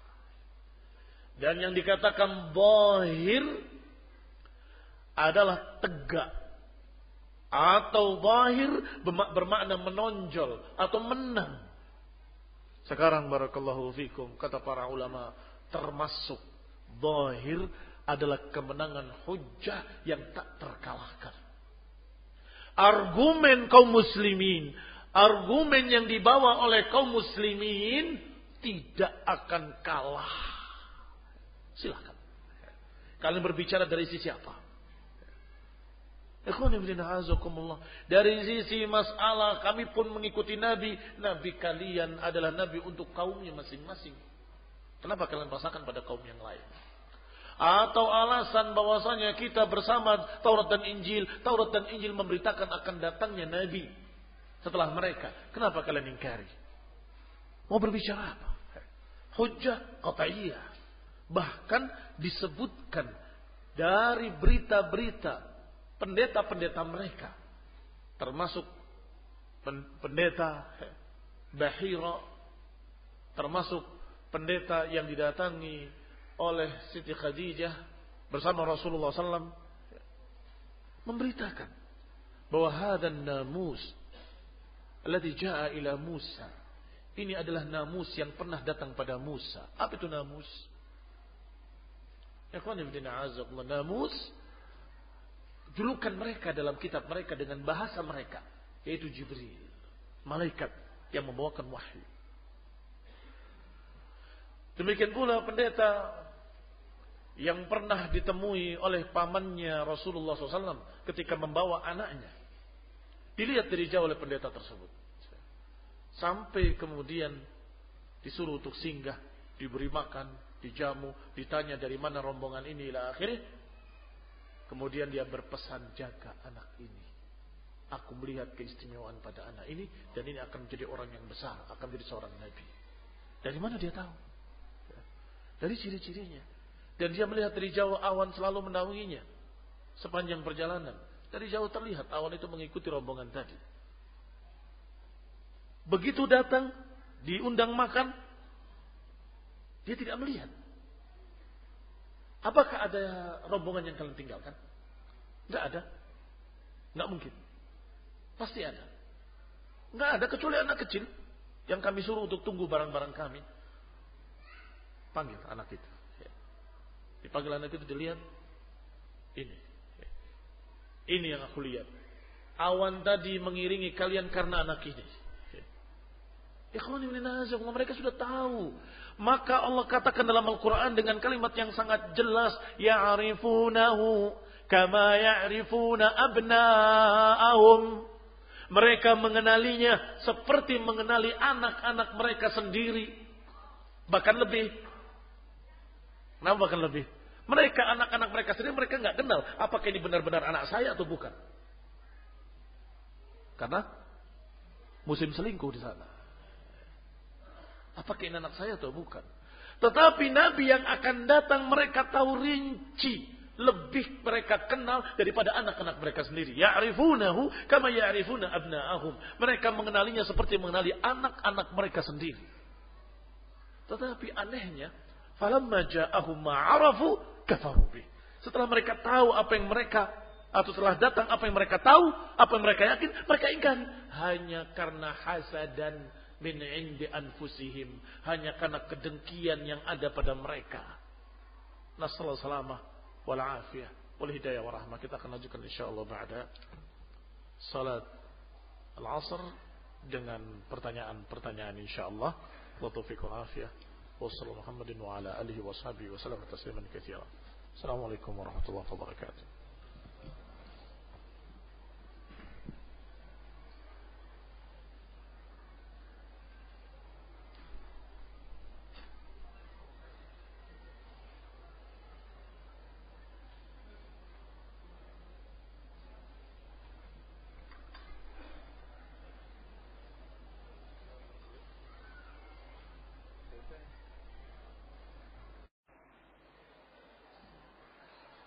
عليكم ورحمة السلام عليكم ورحمة الله وبركاته. إن الحمد لله نحمده ونستعينه ونستغفره ونعوذ بالله من شرور أنفسنا ومن سيئات أعمالنا. من يهده الله فلا مضل له ومن يضلل فلا هادي له. وأشهد أن لا إله إلا الله وحده لا شريك له وأشهد أن محمدا عبده ورسوله صلى الله عليه وعلى آله وأصحابه والتابعين وتابع التابعين ومن تبعهم بإحسان إلى يوم الدين. يا أيها الذين آمنوا اتقوا الله حق تقاته ولا تموتن إلا وأنتم مسلمون. يا أيها الناس اتقوا ربكم الذي خلقكم من نفس واحدة وخلق منها زوجها وبث منهما رجالا كثيرا ونساء. واتقوا الله الذي تساءلون به والأرحام. إن الله كان عليكم رقيبا. يا أيها الذين آمنوا اتقوا الله وقولوا قولا سديدا. يصلح لكم أعمالكم ويغفر لكم ذنوبكم ومن يطع الله ورسوله فقد فاز فوزا عظيما. أما بعد فإن خير الحديث كتاب الله وخير الهدي هدي محمد صلى الله عليه وعلى آله وسلم وشر الأمور محدثاتها فإن كل محدثة بدعة وكل بدعة ضلالة وكل ضلالة في النار. إخواني في الدين أعزكم الله وأخواتي في الله كمسلمين كمسلمات رحمني ورحمكم الله. Yang berikutnya adalah dakwah ahli kitab bil iman bi Muhammadin sallallahu alaihi wa ala alihi wasallam. Dan di antara keistimewaan agama ini juga mengkhususkan dakwahnya mengajak ahlul kitab, mengajak Yahudi, mengajak Nasrani untuk menerima agama Nabi Muhammad SAW yang sudah mereka dapati beritanya dalam kitab-kitab mereka. Allah berfirman, "Ya ahlal kitab." Memanggil ahlal kitab. "Ya ahlal kitab, qad ja'akum rasuluna yubayyinu lakum Kethiran mimma kuntum tukfuna. minal kitab." Wahai ahlul kitab, telah datang kepada kalian rasul kami kata Allah. Yubayyinu lakum yang mengajarkan kepada kalian kebanyakan apa yang kalian sembunyikan dari kitab. Wa yafu an kathir, dan banyak yang Allah maafkan. Ini wahai Bani Israel, wahai Ahlul Kitab, wahai Yahudi, wahai Nasrani, telah datang pada kalian seorang Rasul yang menjelaskan kepada kalian apa-apa yang kalian sembunyikan. Subhanallah. Ini pun menjadikan hati kecil mereka yakin kami tidak memberitakan tapi kok diberitakan oleh Rasul yang terakhir ini? Kami tidak memberitahu siapa pun. Kok dia tahu? Ini juga bukti kebenaran dakwah Rasulullah sallallahu alaihi wasallam. Wa ya'fu dan Allah masih memaafkan sekian banyak yang lain. Yani sekian banyak yang kalian lakukan sebagiannya yang kalian sembunyikan dari kitab Taurat dan Injil dijelaskan dalam Quran. Mereka tahu hukum riba. Mereka sembunyikan. Turun ayat Allah tentang haramnya riba. Maka Yahudi berkata dalam hati kecil mereka, khususnya pendeta-pendetanya. Kok tahu dia riba itu haram? Padahal Yahudi memakan riba. Dan kemudian menyatakan tidak haram riba. Ada di dalam kitabnya Taurat. Mereka sembunyikan. Yukhfuna Kathiran minal kitab. Kalian sembunyikan kebanyakan dari kitab. Termasuk hukum rajam. Oh enggak ada hukum rajam di agama kami. Buka Tauratmu. Buka kitabnya. Dibuka. Cari. Tidak ada. Dia letakkan jarinya persis di kata-kata rajam tadi. Angkat jarimu. Kata Nabi. Diangkat jarinya ada. Kalimat rajam. Ikhwani fi din, a'azzakumullah, kaum muslimin rahimani wa rahimakumullah. Begitulah mereka yaktumunal ilma wa hum ya'lamun. Menyembunyikan ilmu dalam keadaan mereka tahu. Qad ja'akum minallahi nurun wa kitabun mubin. Telah datang kepada kalian cahaya dan kitabun mubin. Termasuk barakallahu fikum yang sudah kita singgung, berita-berita tentang berita yang gaib khususnya. Tidak mungkin berbeda antara Nabi dengan Nabi lainnya. Maka ketika Nabi menyampaikan apa yang mereka tidak sampaikan, mereka terheran-heran.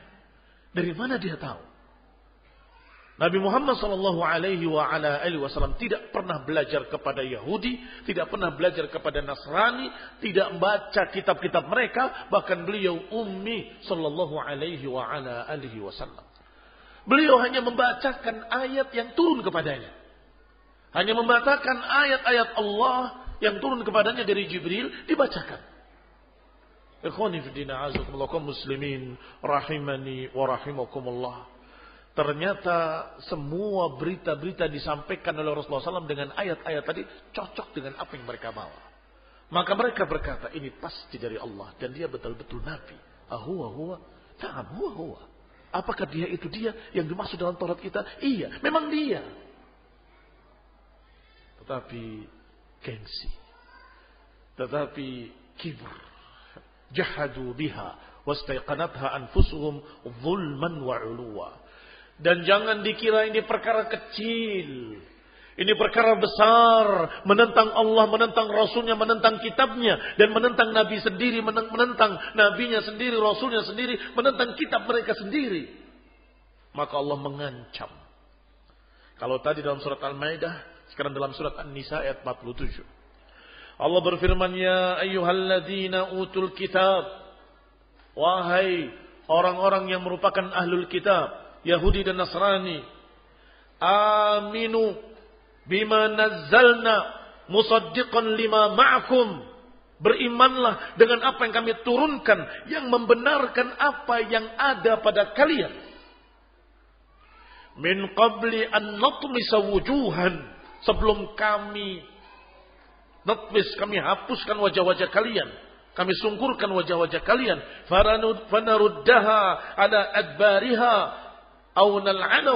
Sehingga mereka kembali. Atau kami laknat mereka. Sebagaimana dilaknatnya ashab sabti. Sebagaimana dilaknatnya Yahudi. Dari orang-orang yang dijuluki dengan ashab sabti.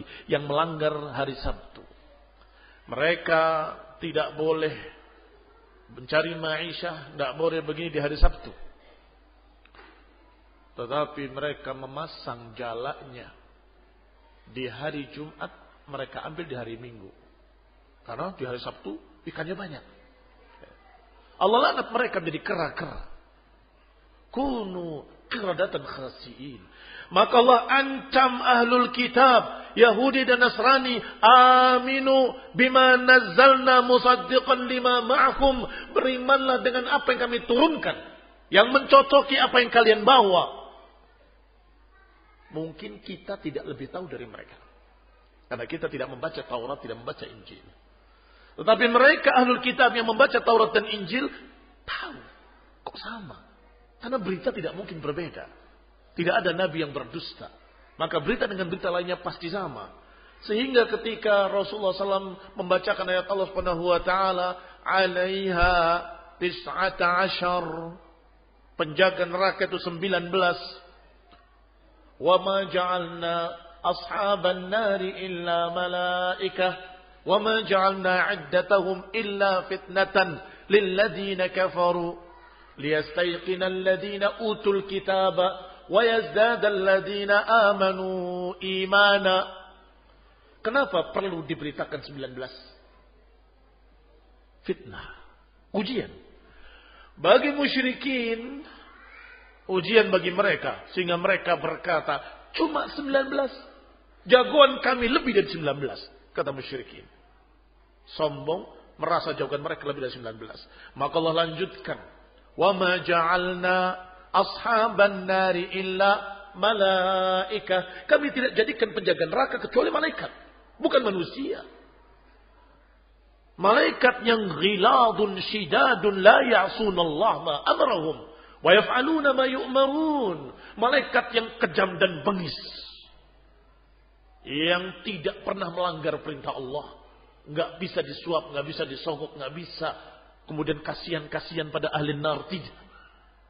Ghiladun syidad. Kalian menangis dengan menangis darah sekalipun. Malaikat tadi tidak mengurangi adabnya sesuai dengan perintah Allah. Wamahum nunsarun. Dan mereka nggak akan ditolong oleh siapapun. Malaikat. Kalian sombong menyatakan jagoan kami 19. Kami mengatakan 19 itu 19 malaikat. Bukan manusia. Kemudian Allah katakan, وَمَا جَعَلْنَا عِدَّتَهُمْ إِلَّا fitnah. Tidaklah kami sebutkan 19 kecuali sebagai ujian. لِيَسْتَيْقِنَ الَّذِينَ أُوتُوا الْكِتَابَ وَيَزْدَادَ الَّذِينَ آمَنُوا إِيمَانًا Agar ahlul kitab merasa yakin. dan orang beriman tambah beriman. Kenapa ahlul kitab yakin? Itu pertanyaannya. Liyastayqinal ladina utul kitab. Kenapa? Sama dengan apa yang ada pada mereka. Enggak mungkin Nabi Muhammad berkata 19, Nabi Musa mengatakan 17, Nabi Musa mengatakan atau Nabi Isa mengatakan sekian. Enggak mungkin. Karena nerakanya satu penjaganya ya segitu. Sesuai dengan apa yang Allah beritakan. Kalau ada perbedaan berarti ada yang dusta. Maka liyastayqinal ladina utul kitab agar ahlul kitab merasa yakin dalam hati kecil mereka. Kok tahu? Dari mana dia tahu? Dia tidak belajar pada pendeta, dia tidak belajar pada pendeta Yahudi atau Nasrani, dia nggak bisa membaca, dia nggak bisa nulis. Dari mana dia tahu? Berarti itu pasti wahyu dari Allah. Jumlahnya 19. Sombongnya Yahudi dan kafirnya Yahudi sampai mereka langsung berpikir dengan kelicikannya. Ini pasti wahyunya dari Jibril juga sama dengan yang pernah datang pada Musa, pada Isa. Ini pintar apa licik? Mereka tahu kalau ini benar-benar Nabi, pasti yang memberikan wahyu adalah Jibril. Kemudian mereka sembunyikan berita itu. Dan berkata kepada Nabi Muhammad SAW, yang memberikan wahyu kepadamu siapa? Malaikat yang mana? Kalau Jibril itu musuh kami. Kalau yang lain kami akan terima. Padahal dia tahu Rasulullah SAW memberi wahyu melalui Jibril dari Allah Taala. Mengapa Yahudi mengatakan seperti itu? Licik. Kalau dia benar-benar Rasul, pasti akan menyatakan tetap Jibril, tidak akan berubah. Jujur. Tetapi kalau dia hanya berpura-pura, pasti akan berkata, oh kamu musuh Jibril ya? Enggak kok. Kami dapatnya bukan dari Jibril.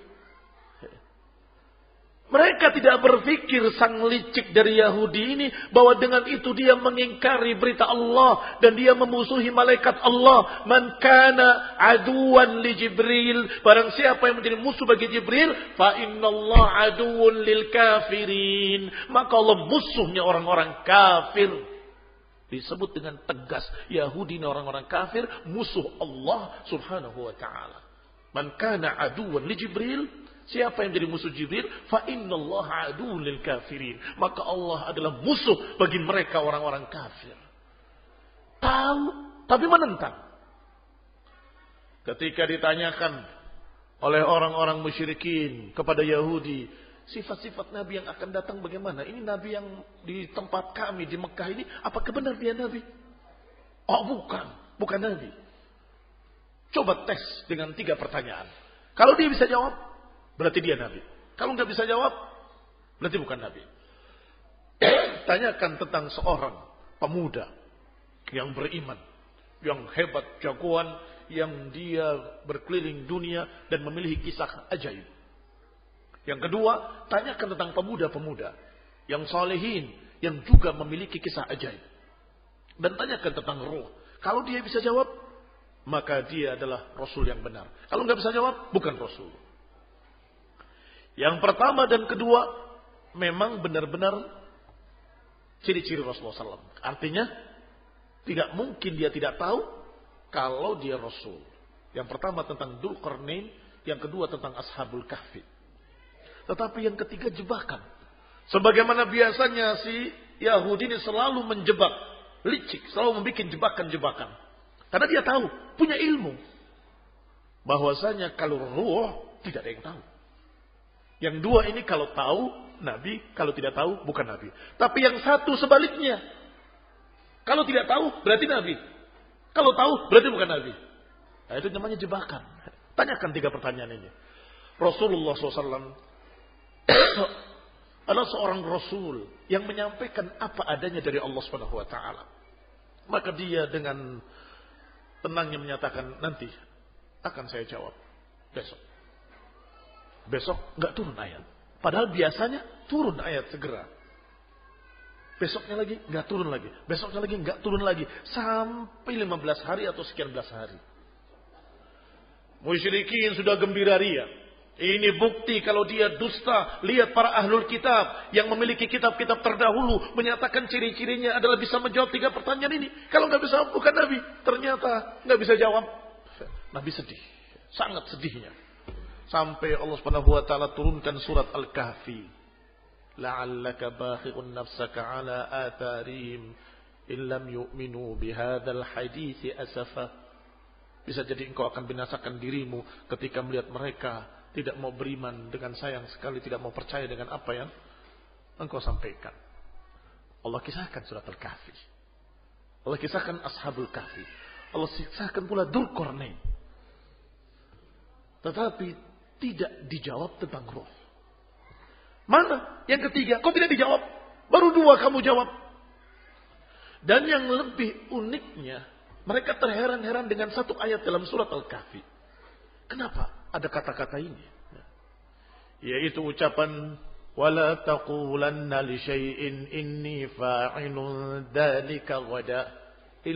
ay Allah. Jangan katakan pada mereka, aku akan lakukan besok. Katakan insya Allah. Ini kan teguran buat Rasulullah SAW. Kok aneh?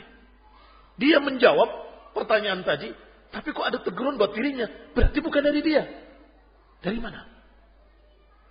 Ini pertanyaan barakallahu fikum dijawab oleh fitrah yang salimah. Berarti ini benar-benar dari Allah. Ikhwan bin hanya saja mereka kebanyakan orang-orang yang menyelisih fitrahnya sendiri. Sehingga walaupun hatinya yakin, mulutnya tetap mengingkari. Jahaju biha. Wastayaqanatha anfusuhum. Apalagi tentang ruh tidak dijawab. Mereka masih menagih terus mana, mana, mana. Sampai turun ayat Allah Subhanahu wa taala di surat lain. Kalau nggak salah surat Al-Isra. Yas'alunaka 'anir ruh. Qulir ruhu min amri rabbi. Katakanlah, mereka bertanya tentang ruh, katakanlah ruh urusan Allah. Gak ada yang tahu. Musyrikin menyatakan, "Hah, kamu nggak tahu?" Ah, berarti bukan nabi. Tetapi Yahudi yang memang dia yang bikin jebakan, tidak terjebak Rasulullah SAW. Karena menyampaikan apa adanya dari Allah Taala. Kok ini benar-benar nabi? Tidak menjawab. Sebagaimana nabi-nabi sebelumnya, setiap ditanya tentang ruh, ruh min amri rabbi. Ruh urusan Allah. Ikhwan ibn a'azakumullah dan ini dalil yang menunjukkan kebenaran ucapan para ulama bahwa kalimat saya tidak tahu apa-apa yang memang tidak diketahui itu adalah sebuah ilmu. Jangan malu untuk menyatakan saya tidak tahu. Apa kamu tahu tentang ruh? Saya tidak tahu. Rasulullah SAW menyatakan bagaimana ruh? Apa itu ruh? Dikatakan kulir ruhu min amri rabbi. Ruh urusan Allah. Aku tidak tahu. Ikhwani fi din azakum muslimin rahimani wa rahimakumullah. Maka Allah ancam mereka ahlul kitab dengan ancaman laknat. Ini mengerikan sekali. Min qabli an natmis wujuhan fanaruddaha ala adbarihim. Sebelum dijerumuskan wajahnya, disungkurkan wajahnya. Dan sebelum dilaknat mereka. Sebagaimana dilaknatnya para ashab sabti. La'ina alladhina kafaru. Min ahli kitab. Atau min Bani Israel ala lisani Dawud wa Isa bin Maryam. Dilaknat mereka ahlul kitab dari kalangan Bani Israel melalui lisannya Daud dan juga lisannya Ibnu Maryam. Berarti Yahudi sudah dilaknat sejak zaman Nabi Daud dan zaman Nabi Isa alaihi wassalatu wassalam. Berarti mereka dilaknat oleh Nabi mereka sendiri. Lu'ina alladhina kafaru min Bani Israel ala lisani Dawud wa ibn Maryam. Wa Isa ibn Maryam. Kaum muslimin rahimani wa rahimakumullah. Bahkan disebutkan dengan kalimat yang jelas oleh Allah subhanahu wa ta'ala. Dalam surat yang kalian hafal. Lam yakunil ladhina kafaru min ahlil kitabi wal musyrikina. Lahir ayat sampai pada ayat yang ketiga Allah menyatakan innal ladzina kafaru min ahlil kitab wal musyrikina fi nari jahannam ulaika hum syarrul bariyah Orang-orang kafir dari kalangan musyrikin maupun dari kalangan ahlul kitab mereka dalam neraka neraka jahannam dan dikatakan ulaikahum syarrul bariyah. Mereka adalah sejelek-jelek makhluk. Yang melata di muka bumi. Apakah dikatakan tidak kafir? Na'udzubillah min dzalik. Betapa besarnya penentangan mereka kepada Allah dan Rasulnya. Ikhwan ibn a'azakumullah. Rasulullah SAW. Ketika diberi berita oleh istrinya yang pernah ikut dalam hijrah ke Habasyah. Menceritakan ya Rasulullah aku melihat di Habasyah gambar-gambar. Aku melihat patung-patung. Aku melihat demikian-demikian. Kata Nabi, ulaika. Idza mata fihim ar-rajulu salih atau 'abdun salih, banau ala qabrihi masjidan wa sawwaru tilka. Mereka itu kalau ada yang mati orang soleh mereka atau hamba yang soleh mereka, mereka akan bangun di kuburannya tempat ibadah. Gereja-gereja. Dan mereka akan gambarkan gambar-gambarnya, patung-patungnya, foto-fotonya. Ulaika syirarul khalqi indallah. Mereka itu sejelek-jelek makhluk di sisi Allah. Kurang apa? Kurang jelek? Sangat jeleknya. Ikhwani fidina azakumullah kaum muslimin rahimani wa rahimakumullah. Nabi menyatakan syirarul khalqi indallah dalam riwayat yang sahih dalam kitab sahih. Allah menyatakan ulaikahum syarrul bariyah, mereka sejelek-jelek makhluk. Nabi juga menyatakan syirarul khalqi indallah. Klop ayat dengan hadis. Mau dalil apa lagi? Bahwa mereka kufar, mereka syarrul khalqi wal bariyah, mereka finnar.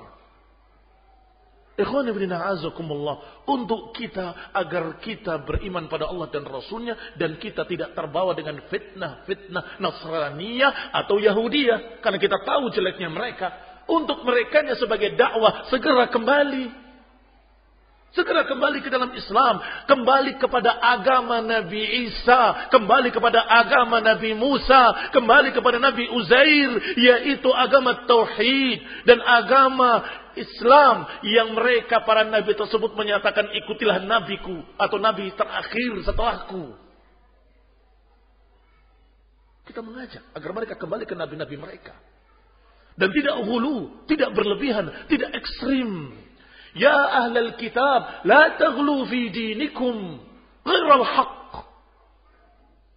Wahai ahlal kitab, jangan hulu, jangan berlebih-lebihan, jangan ekstrim tanpa kebenaran. Sesungguhnya Isa ibni Maryam adalah Rasulullah.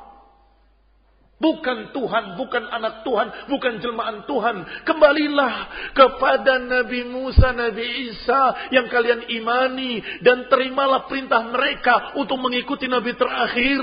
Berimanlah kepada kitab kalian yang memerintahkan untuk mengikuti Nabi terakhir. Dakwah untuk mereka. Dan ini rahmat. Barakallahu fikum. Kalau dikatakan kalian tidak kafir, kalian orang baik, agama kalian baik, itu namanya jahat. Mengapa? Karena membiarkan mereka kafir, membiarkan mereka sesat, malah dipuji. Kamu bagus. Jangan masuk Islam. Kan begitu maknanya.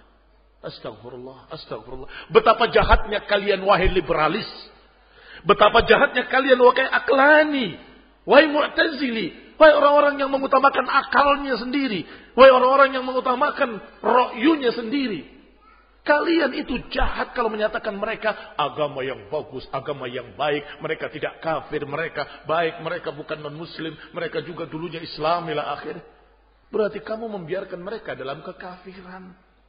Tetapi kalau kita selalu beritakan bahwa kalian kafir dan ancaman Allah pada kalian adalah neraka, mudah-mudahan akan ada yang dapat hidayah dan kembali ke dalam Islam. Inilah perbedaan agama Islam dengan agama-agama yang lain yang mereka dalam keadaan sudah merusak agama mereka sendiri. Menjadi kaum yang ekstrim ke kanan dan ekstrim ke kiri. Adapun umat Islam adalah umat dan wasata. Umat Islam adalah umat yang tengah-tengah. Agama Islam adalah agama yang tengah-tengah. Agama yang paling bijak. Contoh soal. Bahwasanya mereka kaum Yahudi mencerca Nabi Isa. Mengatakan anak zina. Menyatakan dengan cercaan-cercaan. Menyatakan Maryam sebagai wanita yang kotor dan busuk yang berzina dan lahirlah Isa ila akhir. Astagfirullah, astagfirullah. Padahal Isa dalam Quran dipuji Wa Maryam allati wa Maryam dipuji dalam Quran wa Maryam allati ahsanat farjaha dan Maryam yang suci yang menjaga kehormatannya. Perawan suci. Demikian pula Nabi Isa dipuji oleh Allah. Bahkan ada surat khusus surat Maryam. Yang surat Maryam ini pernah dibacakan oleh Ja'far ibn Abi Talib di hadapan Raja Najasyi dan uskup-uskupnya. Dan staf-stafnya kaum Nasrani dibacakan surat Maryam. Mereka menangis bercucuran air mata dan mengambil ranting yang kecil dan menyatakan tidak ada antara kami dengan kalian kecuali seranting ini. Nggak ada perbedaan kecuali seranting ini. Itu Kristen yang dulu. Tapi kemudian barakallahu fikum ketika Raja Najasyi menyatakan bahwa itu adalah hak menerima beriman ternyata uskup-uskup yang bersamanya, pendeta-pendeta bersamanya menentang.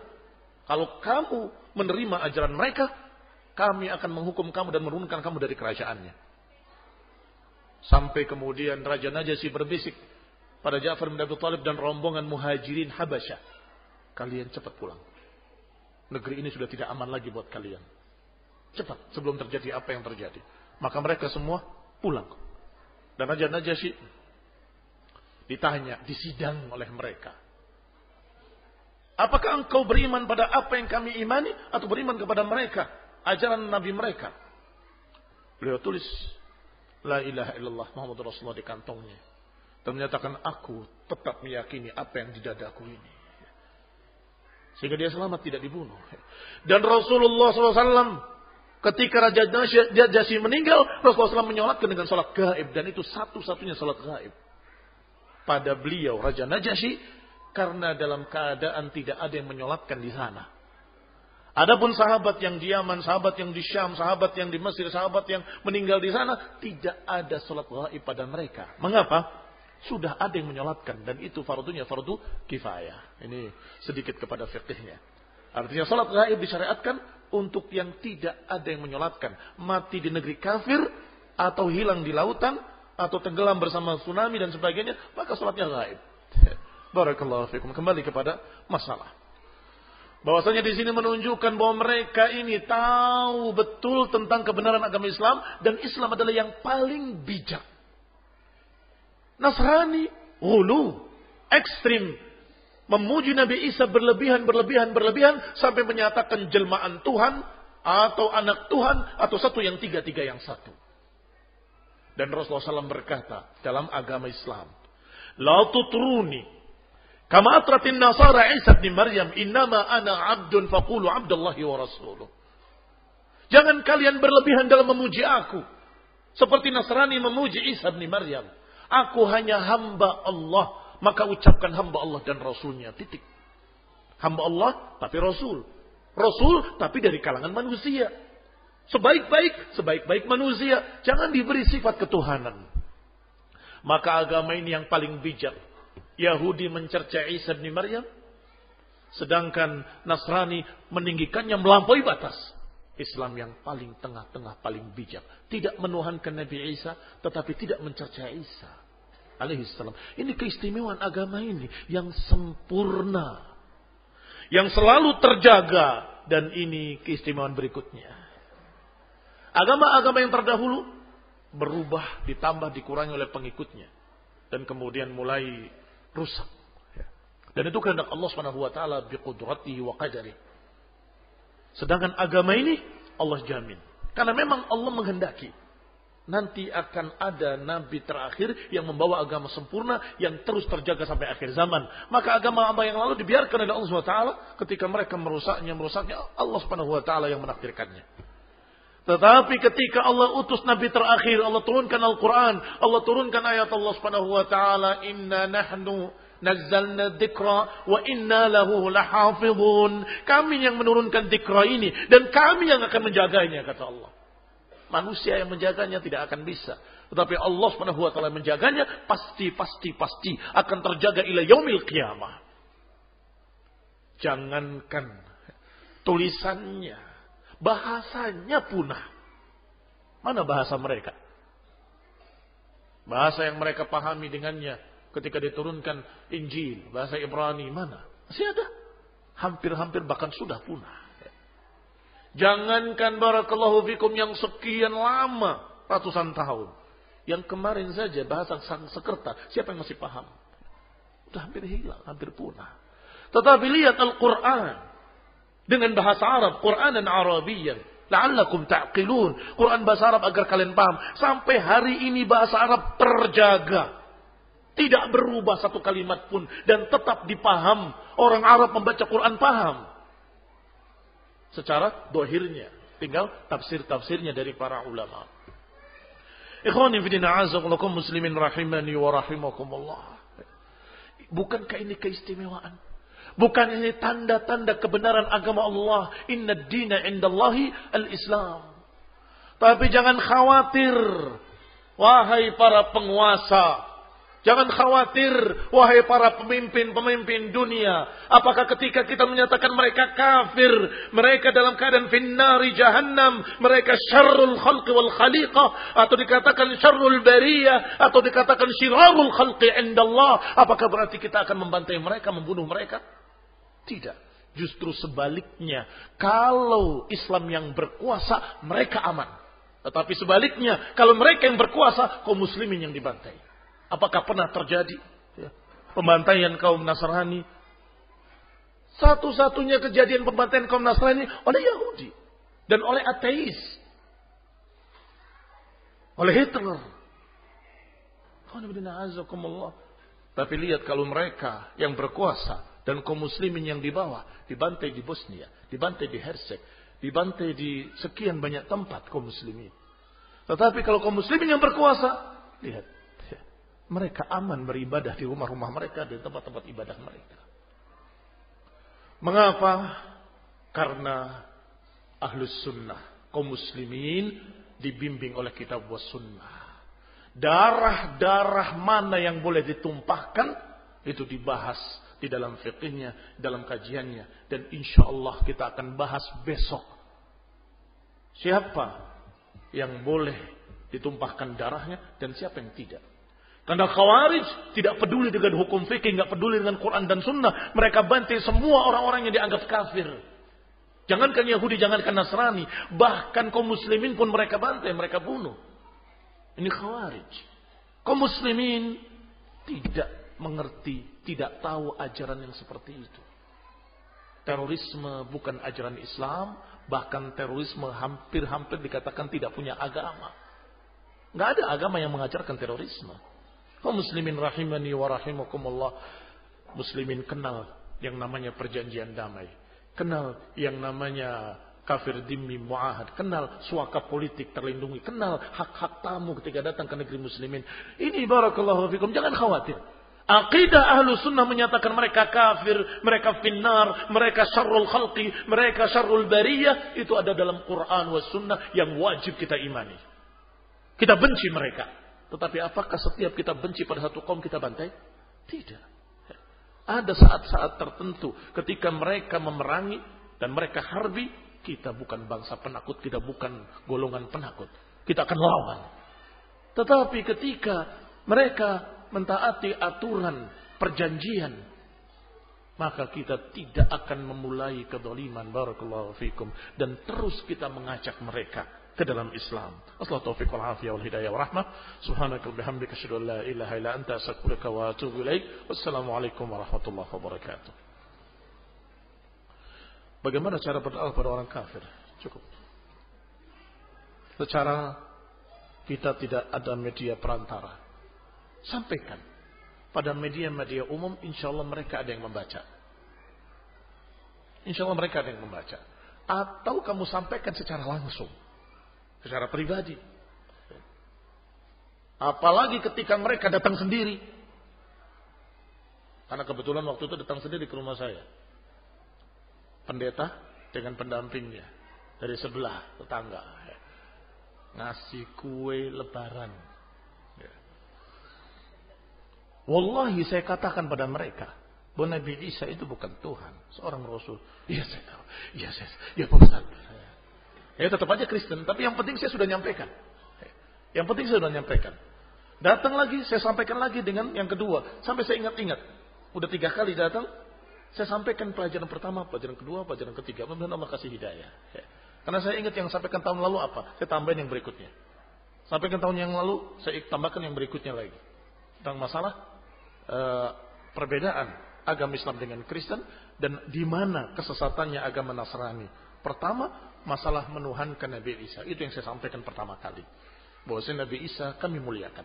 Siti Maryam yang kalian bilang Bunda Maria kami muliakan. Sebagai wanita yang salihah.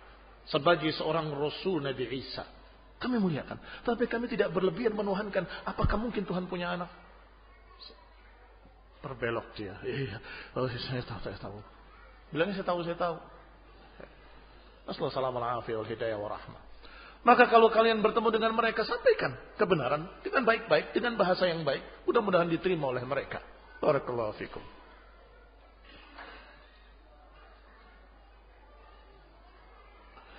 Siapakah Uzair yang disembah oleh kaum Nabi? Nabi Uzair.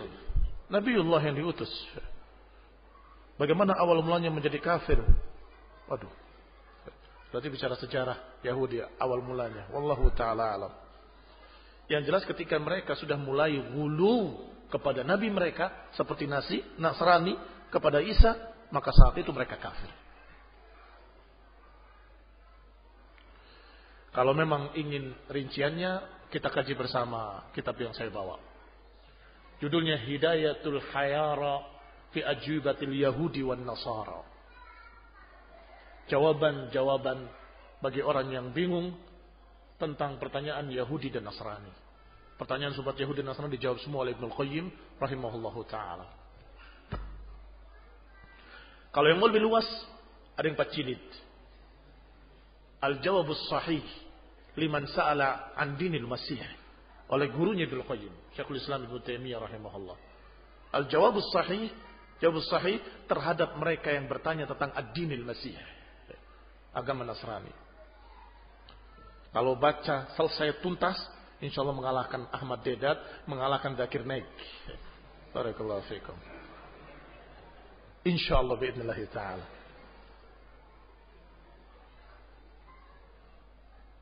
Karena syubhat-syubhat mereka dibantah semuanya.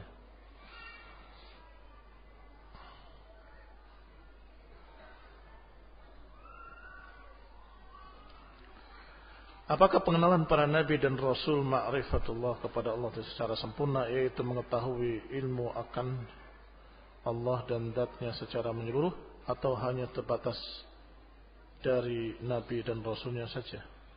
Mana pertanyaan ini? Kalau kita mau mengenali Allah Subhanahu wa taala harus melalui Rasulullah, Rasul kita Nabi Muhammad SAW dari Quran dan Sunnah. Apa yang diberitakan tentang Allah dalam Quran dan apa yang diberitakan tentang Allah dalam hadis yang sahih, kita katakan aman nabihi kullun min inda rabbina. Kami percaya semuanya dari Allah. Tidak ada sumber lain untuk mengenali Allah kecuali dari dua sumber tadi Quran dan Sunnah.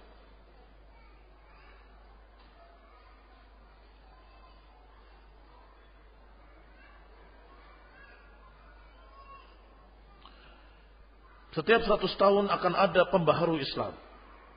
Benarkah saat-saat menjelangnya akan terjadi banyak kerusuhan? Khalifah terakhir adalah Turki Utsmani. Apa kaitannya dengan khalifah? Pembaharu itu alim mujaddid. Ulama. Bukan khilafah. Bukan khilafah. Ulama yang menyampaikan ilmu dan memperbaiki apa yang rusak membenarkan apa yang salah, meluruskan apa yang bengkok, maka orang ini dikatakan mujaddid. Dan hadisnya sahih 100 tahun akan dibangkitkan seorang mujaddid. Barakallahu fikum.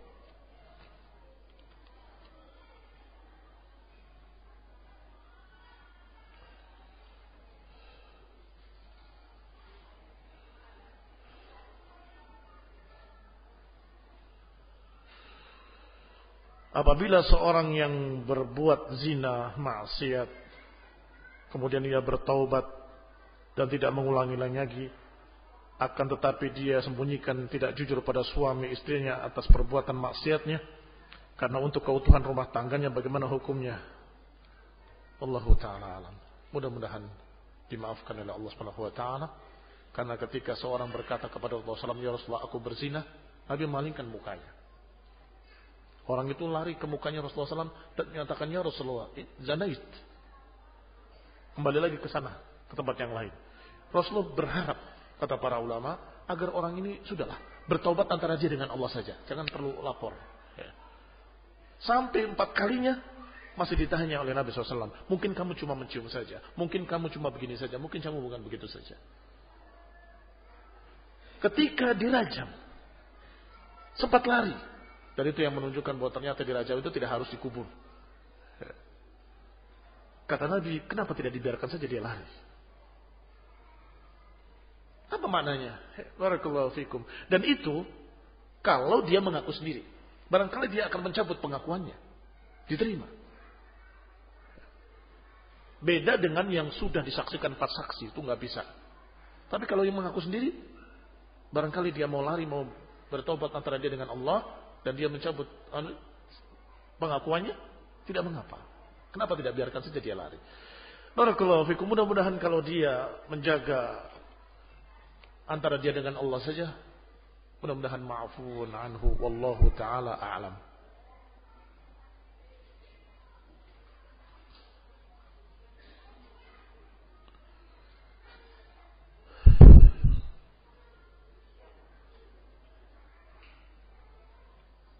Ada tiga pertanyaan.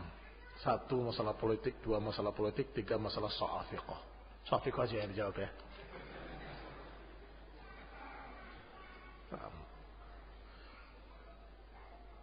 Fitnah sa'afiqah adalah fitnah tuduhan kepada masyayikhina, syekh-syekh kami dan juga kepada beberapa ulama kibar sebagai su'fuk atau didengkotnya su'fuk karena ulama kibar dan menuduh Syekh Robi dipengaruhi oleh orang-orang tersebut sa'afiqah tersebut Syekh Robi tidak seperti dulu lagi sudah lain katanya Syekh Ubaid kami sudah tinggalkan sejak dulu katanya.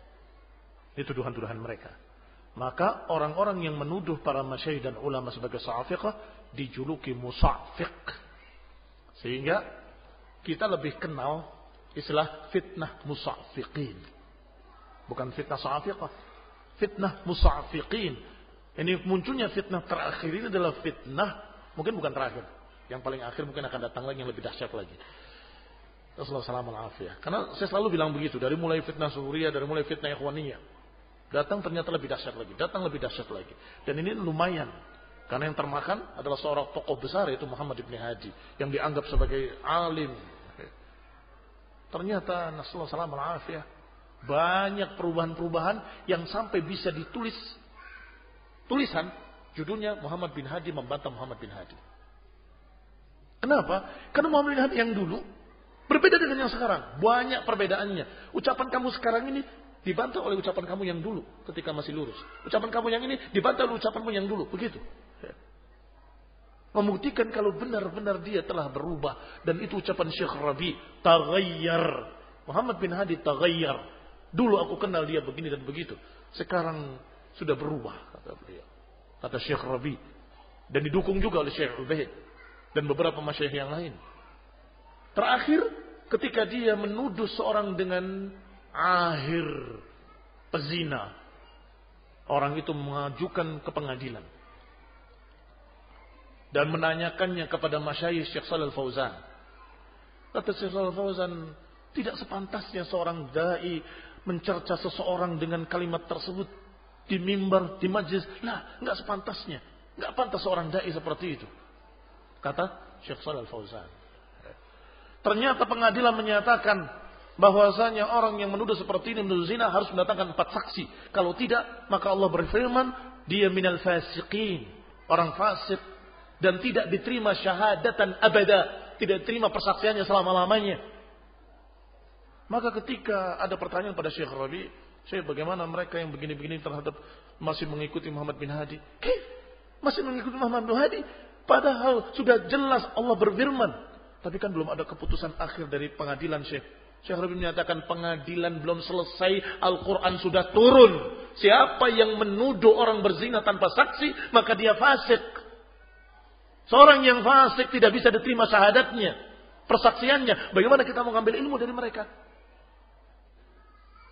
Sudah terlalu jelas kata Syarabi buktinya. Kaum muslimin, ahla sunnah rahimani wa rahimakumullah. Ini fitnah. Sehingga kita dalam fitnah harus kembali kepada ulama kibar dan kembali pada hujjah. Jangan gak enak, gak enak. Tapi dia kan ulama. Oh jadi kalau ulama gak mungkin salah. Tapi kan dia kan begini. Apa ulama maksum? Ikhwan ibn a'azakumullah. Muslimin rahimani wa rahimakumullah. Rasulullah SAW persaksian para ulama yang lain terhadap Syekh Rabi dan Syekh Ubaid masih terucap dan masih terngiang dan tidak berubah. Mempersaksikan beliau-beliau sebagai alim kibar, ulama besar. Sampaikan bahwa Syekh Rabi adalah imam. Khususnya fil jarhi wa ta'dil. Apakah ada yang mencabutnya? Tanyakan pada masyayikh wal ulama kibar. Maka berarti anak-anak kecil ini para muqallid-muqallidnya Syekh Muhammad bin Hadi berarti mereka ini nasallahu salam alafiyah lancang kepada seorang imam yaitu Syekh Rabi Hafizahullah نسأل التوفيق والعافية والهداية والرحمة سبحانك وبحمدك لا إله إلا أنت أستغفرك وأتوب إليك والسلام عليكم ورحمة الله وبركاته